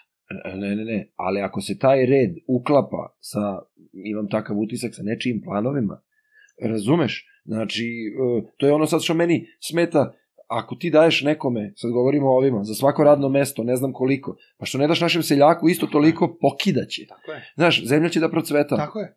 I ja to mislim. Ti dođeš, dođe ti strani investitor, ti mu daš zemlju, daš mu internet i TV konekciju, da ovu telefonsku konekciju, e, Puteve, daš mu puteve, daš. daš mu infrastrukturu, logistiku svu i još mu daš 10.000 evrića po radnom mestu za džeparac. I plaćaš sam mu doprinose, ovo, ono, sve, i onda on ode posle dve godine i kao, Ali, ok, sve ima tu svoje. A to opet vidi, to opet nije e, čist interes samo tih koji dolaze, nego ovih naših koji tu rade. E, Njima se više isplati da uvoze, jer to je prilika da se nešto malo obrne, nego da mi ovde pravimo, ko što ja pravim rakiju, pa da izvozimo. Da. A realno za svaku zemlju je najbolje da što više možda izveze. Tako je, tako je. I tu je, dakle, mi sami nemamo želju da to iznutra rešimo. To već Govorimo ne, o političkim o, tako je, o političkim Ciljevima. prilikama, ciljevima, uh, ideji kako društvo treba da izgleda. koja ideja bi trebalo da bude nepromenljiva za bilo koju strukturu koja dođe na vlast. Znači, to je ono što, je tako, Norveška to ima. Za 30 godina narednih, znači, kogod dođe na vlast, to, se, to je nepomenljivo. menja Nema ono kao, to su ovi, to ćemo mi bolje. E pa Nema. to je. Zato taj deo države mi još uvek nismo savladali. Nismo još ozbiljno shvatili državu i nismo shvatili da, da država, jel, to smo mi i da je ona baš onakva kako je svak, kako je svako od nas pojedinačno. A je, je, da li ti onda to sve budi um, nelagodu da to ne može da se popravi sa na, vezano za naš karakter? Iskreno, iskreno da ti kažem, meni se sad u ovim godinama, ja nisam pesimista čovek, naprotiv, trudim se da budem realista, ali meni se čini da će se teško šta tu menjati. I jako, jako sam zabrinut za našu decu i za te generacije koje dolaze, jer e, mi smo prvo stara nacija, drugo, mm, sve ono, ja to na dnevnom nivou radeći emisiju, pa pratim sve društvene događaje, e, iskreno da ti kažem, ništa to ne valja. Ni u obrazovanju, ni u prosveti, ni u privredi, ni u poljoprivredi, u svim tim granama koje, u kojima bismo mi mogli da budemo dobri, svuda su problemi i rupe na sve strane. Da. I sve se to zamazuje tako što se e, evo visoke zgrade, evo Beograd na vodi, Šljašti, šljašti parada, pijanstva i kiča i sve se to zamazuje i to je kao da sad ti ja ovde sedimo kod tebe u sobi i krečimo zidove da bude super, a ovde još kanalizacija, ono, nismo izbacili gore. Ne može, druže, ne može. I onda megalomanija na sve to. A ti nisi uradio domaći zadatak, nisi prvo uzeo, izbaci ovo prljavo iz kuće sve, jel, šta ti prvo radiš? Ne unosiš nameštaj, nego središ e, dole Tako košuljicu, je. pa staviš parket, pa urad, jel? Pa na kraju krečiš zidove, ponosiš nameštaj Da. ovde to ide bez reda i e, ja ne mogu i dalje, što kaže moj prijatelj Srki, ja ko mi još bude obećao jednom da će u Beogradu da sredi kanalizaciju, nek me se čuva. Kao nema više da obećavate, ovoliki grad, mi u 21. veku nemamo kanalizaciju, Are. smrlja ceo Beograd. Ja sam živeo u Kaluđerici. Onda znaš za. Jadac. Ja vrlo dobro znam za Jadac. Tako da ta priča, shvataš, to je mm, neverovatno koliko bi malo napora bilo potrebno da se neke stvari reše. Razumeš, skoro sam pričao s jednim prijateljem na Slavi, znači, ok, ja sam, izašao, ja sam otišao odande, prešao sam ovde, jel, i to ide život svojim tokom, moji su ostali tamo. Čovječe, ti ako imaš negde 70.000 ljudi, zamisli da se 70.000 ljudi, lupio sam, da 70.000 ljudi daje po 10 dinara mesečno za zajedničku kasu, pa sami bi uradili čitavo naselje, sve. Jebeš sve drugo. Je, razumeš, ne oslanjaš se ni na koga, ne moliš ni nikoga. Ali vidi, državi je u opisu radnog mesta, odnosno njihovim činovnicima, to bi zato ih mi biramo. Potpuno je pogrešno postavljen sistem i inače Da. to u političkoj teoriji kaže se ako a, jedna vlast radi za narod, to je demokratija, odnosno ako se vlast plaši naroda. Da. Ako se narod plaši vlasti, onda je to diktatura. Ti imaš jednu situaciju u kojoj ovi ljudi, svi zapravo koji su dolazili, neko manje, neko više, tu dođe na vlast od jednog kao, ja sam vama šef. Ne, druže, ti si sluga. Tako je, bre, ti si zaposleni samo, Ti bre. si došao da, jer si se ponudio svoje znanje, iskustvo, nama, Mi smo prepoznali to, to ti je za poštovanje, znači mudriji si od drugih i to treba da ti bude ko je, pokazatelj da ideš u dobrom smeru, ti u- opravda i to da te ponovo izglasamo. Upravo, i ti u dobrim nekim dobro razvijenim društvima, e, državama konsolidovane demokratije, imaš ljude koji u politiku ulaze tek nakon 25-30 godina svoje karijere fantastične. Pa onda Mm. kažu, evo mene da to radim be- bez para, jer moja želja da... Po... E tu su oni ljudi koji zaista uđu u politiku Da, iz da. da. nekakvog višeg interesa, da pomognu društvu, da pomognu sredini. Ima takvih ljudi i ovde, ja sam eh, ih upoznao dosta, međutim, ti su se ljudi manje više svi sklonili, jer ove barabe koje dođu i ovi kojima je to prvi posao u životu i ovi opet koji, koji su nažalost većina u političkom životu Srbije isključivo ulaze tu radi nekog interesa. Da. I kao što vidiš, recimo, to ovaj botizam koji, koji jel, funkcioniše, ti si video te ljude, ti njih ne možeš da uvrediš, ne možeš ničim da ih e, Da, kao da je, poniziš, oni su beskičmenjaci i on za to radno mesto, platu i to, ma može šta hoćeš, mamu rođenu možda proda. To je nešto što je jezivo i naravno da onda, aha, Evo, ajde da probamo sad da prodamo neku predstavu, ne znam, neki projekat TV na lupam RTS ili na neku televiziju s nacionalnom frekvencijom, ako nismo s njima u dilu, neko. Mm, teško. Možda se slikaš.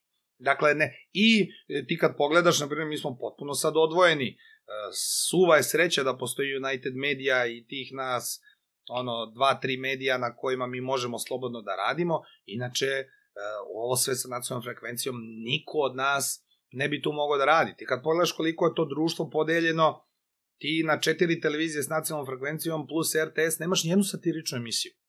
Da. Ni jednu koja kritikuje... Uh, po, Sve, sve da kritikuje. Da, da, da, da. Mada mora Osim državnog posla, ajde. Da. Osim ali, državnog ali to je, posla, Da, ali to je samostalna ali oni su posebni, tako jeste, je. Ali, e, znaš šta je isto, imam, to je opet e, taj neki moj utisak, a to je ta kakofonija koja nas okružuje i sve. Opet, e, bojim se da ulazimo, ulazimo, da naše društvo ulazi u tu zamku, a to je, ako nas toliko gađaju e, svim i svačim, e pa onda dosta smo trpeli, sad ćemo i mi da gađamo svim i svačim. I onda imam nekad utisak, ovo što kažeš, i ta druga strana, govorim sada, jer vidi, uh, ja, ja nemam SBB, razumeš ono, razmišljam se da pređem na SBB, razumeš, zato što volim utisak nedelje da čujem, volim da čujem obe strane, realno, Naravno. razumeš, samo govorim realno. Mnogo je bitno. Znaš, hoću čujem i, i tebe i tebe, razumeš, a neću mi, da čujem... Inače, da znaš, mi njih tamo zovemo, oni neće da dođu. Mislim, Da. ja ih ne zovem u moje emisiji, ne gostuju, ne gostuju političari. Jasno, Ali moje jasno. kolege informativci ih zovu, oni neće da dođu. Jasno, jasno, ali opet i, i onda je sad to ispiranje, gde ti više ne znaš u šta da veruješ. Znaš, to ti je ona varijanta, Upravo. zvekni ga po glavi, a onda reci, ne, ja to nisam uradio. Znaš, ono Ovo je kao, taktika, ova taktika koju o, ovaj dobri čovjek koji nas vodi u prosperitet već 11 godina, koju primenjuje, jeste da sve druge obesmisli, Da. ogadi ljudima život, svima nađe neku manu i neku fleku, a živi smo ljudi, svako je ima, A, naravno. onda se ta priča naravno filuje, pakuje i tako dalje, onda ljudi u jednom trenutku, evo moji gledalci, kažu, Mare, ja odgledam vas i više ne gledam ništa. Da. Neću slušam vesti, neću slušam dnevnik, neću da pratim šta se dešava, što je put u propast. Kad ljudi kažu, mene ne interesuje politika, pa druže, politika i da li će dete da dobije mesto u vrtiću. Politika i da li ti imaš posao i kolika ti je plata. Politika je su čiste ulice. Politika je li ima dovoljno parking mesta. Politika je kakav nam je sportski život. Politika je kakav nam je socijalna zaštita. Politika je šta dišemo. Politika Da. je e, Jeste, ali- futbolski ali- savez. Politika je e, ove žene tužiteljke koje su sklonjene Mm. samo zato što rade svoj posao. Pa sve to politika. ali ti se najviše zgadi politika kada sve to što mi vidimo sigurno vide i ovi iz Evropske unije i ćute na to. Pa baš ih briga. Pa, Jel briga. kapiraš? Jeste. To ti je ta priča, znaš, ti si malo prepomenuo, nama je u onom sistemu za vreme Tita, nama je bilo dobro. I to kog smo ga ti ja E, zakačili vrlo malo. da, ne? ali, ali realno kad pogledam, ja znam za slučaj gde se neko zamerio sistemu, shvataš, da ne pričamo sad ono vlasta i sve koji je završio na golom otoku Jeste. i takve neke Jeste. priče. Znači, svi, Jezivih je priča bilo u tom periodu. svi zaboravljaju, razumeš, nego svi gledaju, e, ma, to je, bio, to je bila država. Brate, sve u redu, ali ne može hiljadu dobrih stvari, ne može da zameni jednu lošu. To je moj Ne stav. može. može. Znači, Pa ne možeš... može ništa uz, uz svoje jel, poštovanje toga, moji su dede bili partizani, jedan i drugi. Dakle, moji, uz, da, uz isto. svo poštovanje toga e, da su nas oni oslobodili i svaka čast i e, crvena armija koja je ušla u Beograd e, podpomognuta partizanima i oslobodila, ali recimo da li su sad ti podaci tačni ili ne, svako sad traži, ja gledam da to budu neki relevantni izvori, da je nakon drugog svetskog rata da su komunisti ovde pobili 50.000 naših građana. Da, ne isto mišljenika, odnosno nekome neko je smetao. Tako sa je. sve pričom saradnik okupatora. Tako A je. sve su to stvari koje moramo znamo. Mi, kako sam ti malo rekao, da nemamo kontinuitet ili da ne volimo recimo da čujemo obe strane pa da to prihvatimo jedno i drugo, nego ovaj deo istorije koji se meni ne sviđa i koji smo jedva čekali da prođe. Ma nećemo ni da ga uzmemo kao deo istorije. Tako je. I sad ti recimo imaš podatak da je moj rodni grad uh, Loznicu oslobodio Misita četnički komandant sa svojom ekipom uh, praktično već avgusta meseca 41. godine. Da. Loznica je među prvim ili čak možda i prvi, ovi će neki ljudi iz, iz Crne Gore reći da ima jedan, jedno mesto u Crnoj Gori, prvi oslobođeni grad. Naravno, ja prvi to kao neko ko je iz tog grada nisam učio to u školi, Naravno. jer zašto to da... Ka... Naravno, Istoriju su pisali... nisu oni dugo držali tu, oni su uspeli Nemcima da uzmu grad na neko vreme, par Da. dana, oni su to posle vratili, ali to je, tad je počeo ustanak. E sad, Realno. ali nećemo to da pišemo jer znaš što su četnici uradili. Pa čekaj, oni su naši bili u redu, ratovali ste, svađali se, svašta je bilo, ali ne možeš da zakopaš deo istorije kao Da. da, ga nema. Jel? A, naravno, ti isti komunisti pre toga su bili proganjani i ubijani za vreme kraljevine i sve Tako to je. jedan niz, Krug, da. jedan krug zla koji je ono kao sedmi krug pakla A koji negde da mora zaboravi. Da, a niko neće da zaboravi i negde mora da se prekine. I mislim da je tu bilo nekih momenata e, to posle 2000. godine. Kad je moglo. Možda smo mi eto verovali u tog e, Đinđića, još par tu nekih e, likova koji su se pojavljivali, ali ne, nešto to ne da. Negde neke e, očigledno jake strukture, ja sad to kako to kažu, duboka država, mogu bi da pričamo o tome, ali neke te strukture kojima prosto nije u interesu da mi ovde počnemo da živimo po nekim pravilima. Da, Jer kako Da. će onda oni da se snalaze? da. Ajde, uh, malo da se vratimo na ovo. Samo mi reci, kako se spremaš za emisiju? Ili kako se spremate za emisiju? Pa sad je to već postala rutina. Ja sam sad do te mere imam tu profi deformaciju da ja gde god izađem na ulicu i šta god da radim i s kim god da pričam, meni sve postaje tema. Mhm. Šta god čujem, recimo, uvek slušam Radio Beograd i samo Radio Beograd slušam u autu, Mhm. jer tu još imaš da čuješ nekih informacija, ovo ostalo su jukeboxovi s vestima, nema tu Da. više e, nov je sistem i to formatiranje radija se desilo još dok smo i mi tamo bili, tako da sad recimo to čujem i čim čujem vest, ja to odmah upišem sebi. Aha, kao U pripremu. stavku, da, da, da. Srkija imamo zajedničku pripremu, šaljemo Jedan, jedan drugom. drugom ovaj, sve to što imamo, e, iskonsultujemo se ono uveče porukama i ujutru imamo već određene teme, po tim temama vozimo, e sad naravno uvek razgovor, uvek razgovor možda nas povuče e, na jednu ili drugu stranu, mi ostavljamo mogućnost za improvizaciju koliko god možemo. Mhm. I mi nemamo nikakav napisan tekst, e, Dobro, sve da, govorimo iz glave, jeste, osim tih tema koje imamo spremne, ja volim dobru pripremu, jer znaš i sam kao i na sceni, tako Improvizacija i ovde, može ako si siguran u svoj put. To je Upravo. kao i Zoki pričao, nema tu šta. ako imaš nešto, nekakvu Gde da se postavljenu... vratiš? Tako Tako je, ne može da se izgubiš, brate. Upravo, ako imaš neku postavljenu... Ako uđeš samo improvizacija bez e, neke pripreme, desi se da ja, posto 122 emisije mesečno svaki dobro, dan, da, to ti si verziran sada, to ti te... velika Malo šta može da te... A da ti kažem i dalje ne volim kad mi se desi dan, evo danas sam baš imao puno obaveza, nisam se mnogo spremio za sutra, vidjet ću koliko ću se spremiti, pa kad imam samo 3-4 neke vesti, da vidiš kako mi nije, naravno isplivam Da. ja, ali Nije ti lagodno. lepše Da, se osjećam kad imam više mogućnosti. Plivaš, plivaš. A, a, ajde onda e, malo da pomenemo, ono, ono ćemo ostaviti za kraj, ali reci mi za Loznicu i ovo sve što se dešava, kakav je tvoj stav? Ipak je to tvoj rodni grad i taj kraj je tvoj kraj.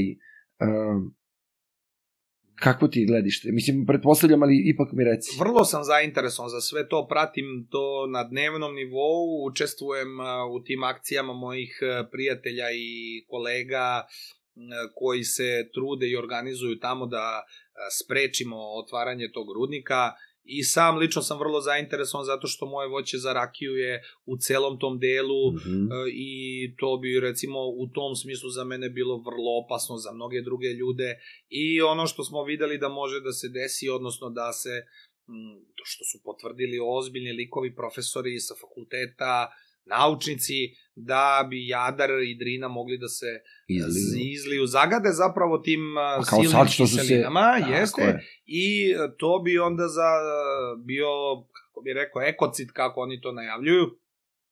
Ja sam naravno odrastao na te dve reke, čak mislim da sam u Drini rođen, samo su me iznali u bolnicu ono da me, da me obuku i vrlo sam vezan emotivno za, i za Jadar i za Drinu i za ceo taj kraj i iskreno se nadam da nećemo dozvoliti taj rudnik, ali e, s druge strane koliko su ovi navalili i koliko su uporni da to proguraju, a imaju podršku e, Evrope. gla- pa i da, ali najviše ovog glavnog šefa, on sad e, u poslednjih nekoliko meseci u svakom svom intervju priča o tome da je to naša najveća šansa i da bismo mi e, dobili u Srbiji, zapadnoj Srbiji 200.000 ljudi i ne znam kakve plate i tako, potpuno onako ovaj, Da.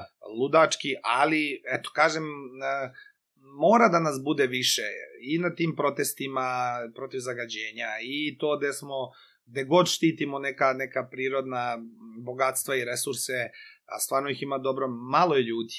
Malo je ljudi, malo su ljudi zainteresovani. Više to volimo na tastaturi da iščačkamo Da. i da ka, mislimo da smo nešto rekli na nekoj mreži, a to se ne piše nigde.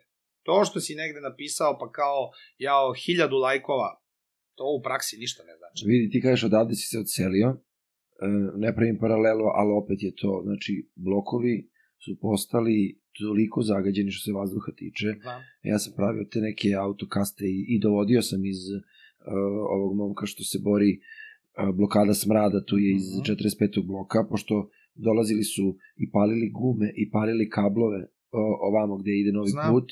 Znači, to je katastrofa. Katastrofa.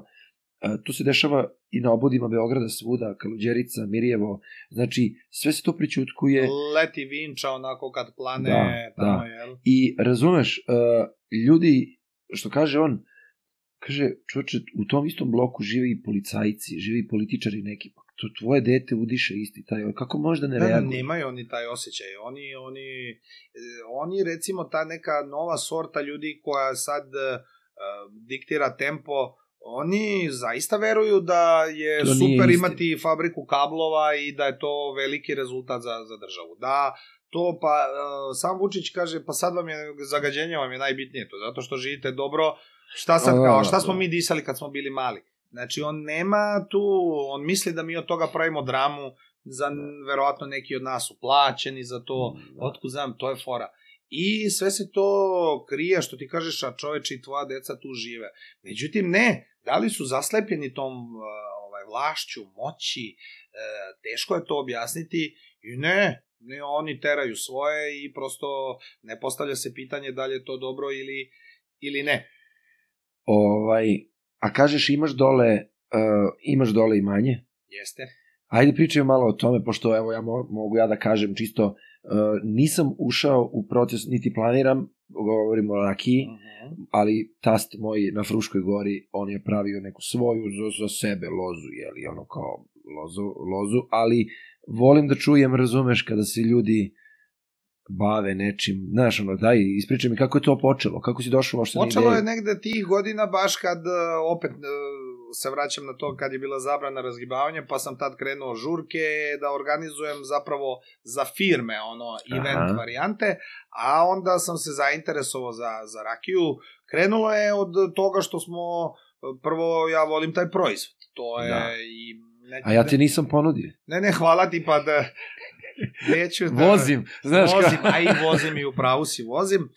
Uglavnom, krenulo je to da sam se zainteresovao za ceo taj proces, kako se to pravi, na koji način, gledao sam ja sve to kao dete, ali uh, onda smo moj kolega i drugar Andreja Petrović i ja krenuli da napravimo rakiju koja bi nama prijala da mi pijemo, pa da vidimo onda jel kako ćemo dalje i onda smo krenuli sa našim saradnicima, seljacima, poljoprivrednicima, drugarima, nekim eh, teh, ozbiljnim tehnolozima da pravimo tu neku našu rakiju koja je umeđu vremenu eh, dobila ime razgibavača, kako bi drugačije, jel? Da. I e, to je negde krenulo m, u tim godinama 2016. 17. 18. a sa poslom smo krenuli baš za vreme korone, pripremali smo se nekako, meni je jedan deo zemlje ostao u selu u Dragincu, to je nasleđena kuća moje bake, tamo sam vikendicu malo sredio i tu imam nekog voća, ali i u okolini u zapadnoj Srbiji imamo voće, tu smo našli još jednog partnera kod koga smo ovaj, krenuli u destileriju, ušli, kupili nove sudove, burad i onda jedno po jedno. To je onako zahtevan sport. U početku pogotovo, ali vrlo interesantan mm. -hmm. i o njemu može da se priča i da se radi ono po 24 sata dnevno samo tim poslom da se baviš. Da. Ovaj uvek tu ima nešto, jedan deo u proizvodnji, jedan u marketingu i u A koje prodaji. voće imate? Imamo šljivu, dunju, kajsiju i krušku. To su za sad Bravo. I četiri radite ukusa. pojedinačno ili Radimo svaku radite pojedinačno. fruit of the loom? Ne, ne, sve, svaka je za Svaka sebe, za sebe. jeste. E, Šljiva nam je trogodišnja, e, dve godine je držimo u hrastu, posle toga još godinu dana u staklu, e, blaga je na 42 e, stepena, u kupaži čačanke rodne i sterlejke, onako, Izveštio si se, znači... Izveštio sam znaš, se, da, da, da, znam. Iako moj deo je, moj deo posla u principu se mnogo više odnosi na marketing i na meni prodaju, želisanje, da. ali je vrlo, vrlo zanimljivi proces proizvodnje da, da, da. i da, da, još učim, još vežbam, ali sam za ove tri godine koliko smo već na tržištu gomilu stvari naučio i onako, da me vidiš, leti ovaj, i sad kad uđem u voće, pravi sam poljoprivrednik, čizme dovde, radno delo, idem s majstorima, radim sve što treba i Dobro, potpuno da, me hoćeš da isprljaš ruke, to je dobro. Hoću, hoću, da, da. Da, da se upoznaš sa materijom, a ne da bude samo da... Da, da, vrlo la, ova, rado se latim i alata i vozim traktor i sve što treba, nemam uopšte ovaj problem s tim, naprotiv, volim, dobro, ja sam na neki način seosko dete, moje su babe i dede sve sa sela i ja sam kao dete puno vremena provodio na selu i sad kad sam se vratio i tu kuću krenuo da sređujem i dvorište i mnogo mi je lepo, uživam tamo, evo sad čekam da ugreje i kad ugreje ja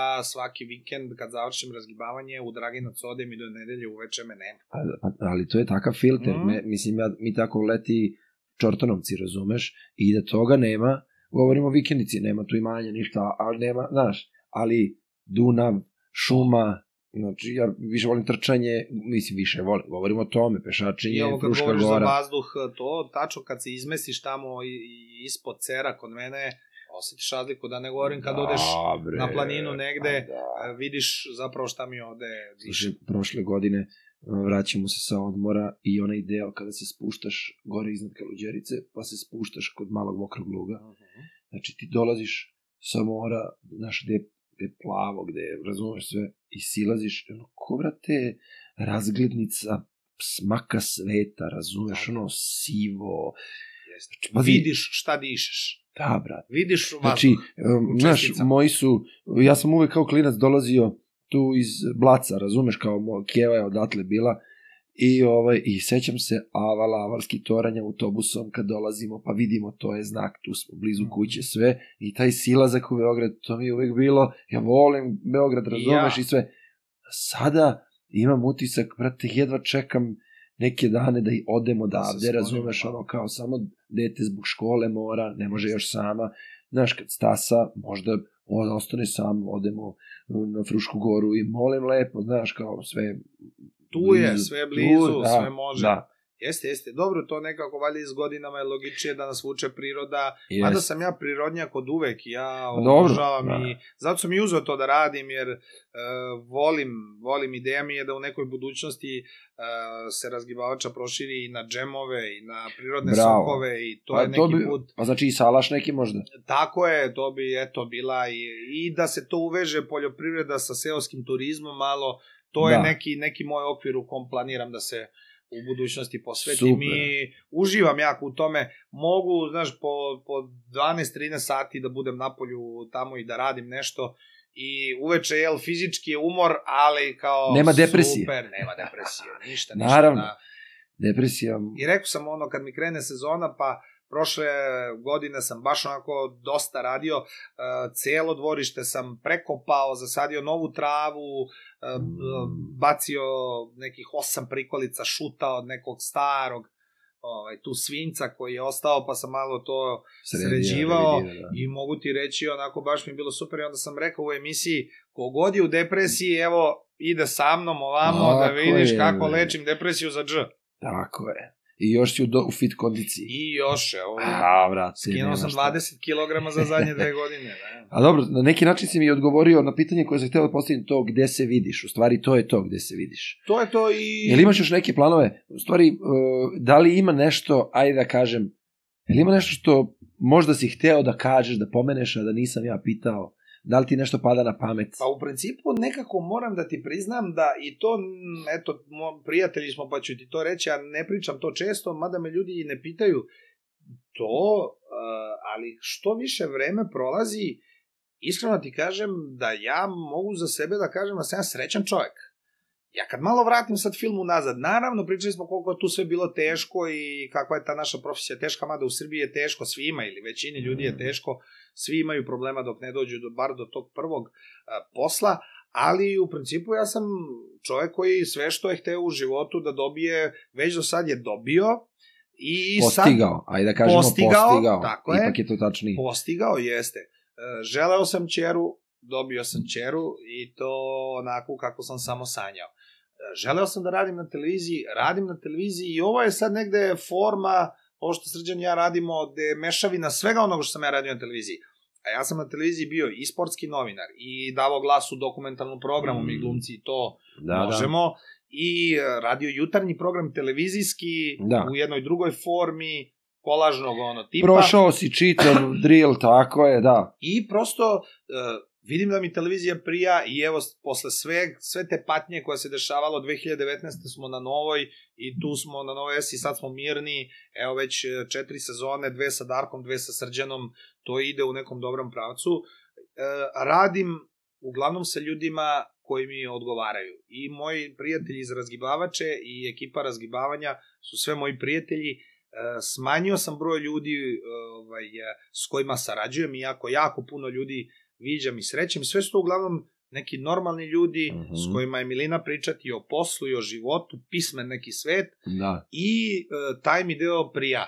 Puno radim, nikad više nisam radio u životu nego, nego sad, ali čini mi se nikad i uspešnije i sam sam sebi gazda što sam se, što ti kažeš, izborio ovaj, Da. baš, baš da. dugim putem da dođem do toga da sam sebe mogu da izdržavam. Na televiziji nemamo urednika, niko nas ne smara, ne cima, ne pita, radimo dobro i oni su Veruje u zadovoljni, vaš, veruju, jest. tako je. I tu u tom smislu i- Nova S eh, daje svakom od nas autora bar što se Slobodu. tiče slobodu potpunu. To je Naravno, stvar ne- za neke umetnički- pravila moraju Ma, da se dobro. poštuju. Ram postoji uvek i svuda. Ljudi neka to pomisle da kao, aha, ba ne možeš ovo, pa nije, to je anarhija, nije sloboda, jel? Mm. Tako da, e, sad kad sve to saberem, kao pa dobro, e, sve mi je lakše da sebi priznam da su ipak stvari dobre. Jer najlakše je uvek naći šta ne valja. Aha. I najlakše je naći razlog da čovjek bude nezadovoljan. A verujem da svako od nas kad sagleda, aha, pre ili kasnije stvari dođu na svoje. Nisu se još sve poklopile, poklopit će se, ali kako ono kažu, ovaj, ako nije sve u redu, nije još kraj. Kad Tako sve je. bude u redu, tad Da, je da, gašenje. Da, da, da. Tako da, ovaj, i sad prvo ti kažem, uživam u procesima, uživam u, u, u borbi, u, Mhm. i onda i u postignutom rezultatu. E, naravno, financije uvek mogu bolje, to nam je Da, svima da, da, tako, da. ali ne mogu da kažem ni da sam u tom smislu nešto ugrožen, što je bilo dosta godina pre, pre razgibanja, pa i to vreme kad nam nisu dali da radimo, ne bi nam dali ni sad, mislim da se United Media nije pojavila, dakle, je, ništa da. se tu nije novo desilo, nego su došli ovi ljudi Samo, Gde- gde da, mogla samo se druga radi. struja, da, koja je mogla da Ali, moguće. znaš, sve sad zajedno kad saberem kao super, nema razloga za kukanje. Tu sam gde sam i sad e, vidim sebe na televiziji e, u, sa Srđanom u tandemu, nadam se jako dugo, dokle god bude interesovanje publike, dok se ljudi ne zasite, verujem da će to ići na, na toj televiziji na kojoj smo sad i vidim se u ovome jer to je lepo i odlazak u prirodu i na vikendicu i ono još kad ga proširiš s nekim poslom, to, a tako sam ja jedno, od odmaranja, aj kao sad malo ovo, pa zasadimo cveće, pa se bavimo voćem, pa kosimo travu, pa evo je rakija, mislim, Da, da. i prija mi taj deo, taj deo priča mi prija, da, tu sebe vidim. I ne vidim se dobro mi glumci i ne idemo u penziju, mi radimo Da, dok do kraja, nas drže na, tako na nogama, da. Ali ja verujem da šta, šta god da budem radio, ne verujem baš da ću do, do tih godina da će da me drže na televiziji, ali verujem da bi tako mogao tim životom i, i radom u prirodi malo sebi produžim život i neku drugu energiju za te ovaj za te godine pripreme. da. Mare, mnogo ti hvala što si izdvojio vreme. Mnogo smo Znači- dobro pričali, ovo baš je onako skroz drugačije od nekih intervjua koje obično radim i ovo je baš onako bilo divno i tvoje su priče drugačije sve mi je to nekako onako prijalo, baš jedno... Ovaj... Leglo, hvala ti, stvarno, ovaj, rekao sam ti, po, po, da, ne, da ne bude sad kao podržavam rad tvoj, prosto cenim to što radiš i prepoznaje se smer u kom ideš i iskrenost, po mom mišljenju, znači govorim u svoje ime i hvala ti što si izdvojio vreme, želim ti svu sreću porodic, s porodicom i sa svim tvojim planovima, što si rekao da dugo radiš i da ti se sve ostvari i vidimo se neki drugi put. Hvala ti puno, ja tebi želim puno uspeha i sa ovim podcastom i naravno u ovom našem glumačkom svetu, ti si isto jedan uporan čovek, iako je dosta teško, boriš se, trudiš se, smišaš nove ideje, preduzetnik si, to mi se, meni se taj duh sviđa, ja nisam tip koji voli da sedi i da čeka da se nešto desi, neće desiti mm. ovaj, da, da, da. ništa, volim ljude koji nešto preduzimaju, a onda malo smo pričali pre nego smo seli u program, uh, jedno se desi pa će da ovo drugo da otvori. Povuče jedno drugo. Tako je, tako i je. vidim da u tom smislu ti imaš dosta akcijanja i stvarno ti želim puno, puno uspeha, a naravno i ovaj privatni plan koji je najbitniji, mi smo očevi, čerki, ovaj, je. to je nešto što je život. da su žive i zdrave. Tako je, hvala ti puno druže. Hvala tebi, ćao. Svako bi da radi samo ono što mu prija Znam da nemoguće to je, zato moram utopija Posejao sam seme, slušam, pratim da proklija Da li je odgovor za sve probleme utopija Utop, utop, utop, utopija Podcast utopija Podcast utopija, utopija Utopija podcast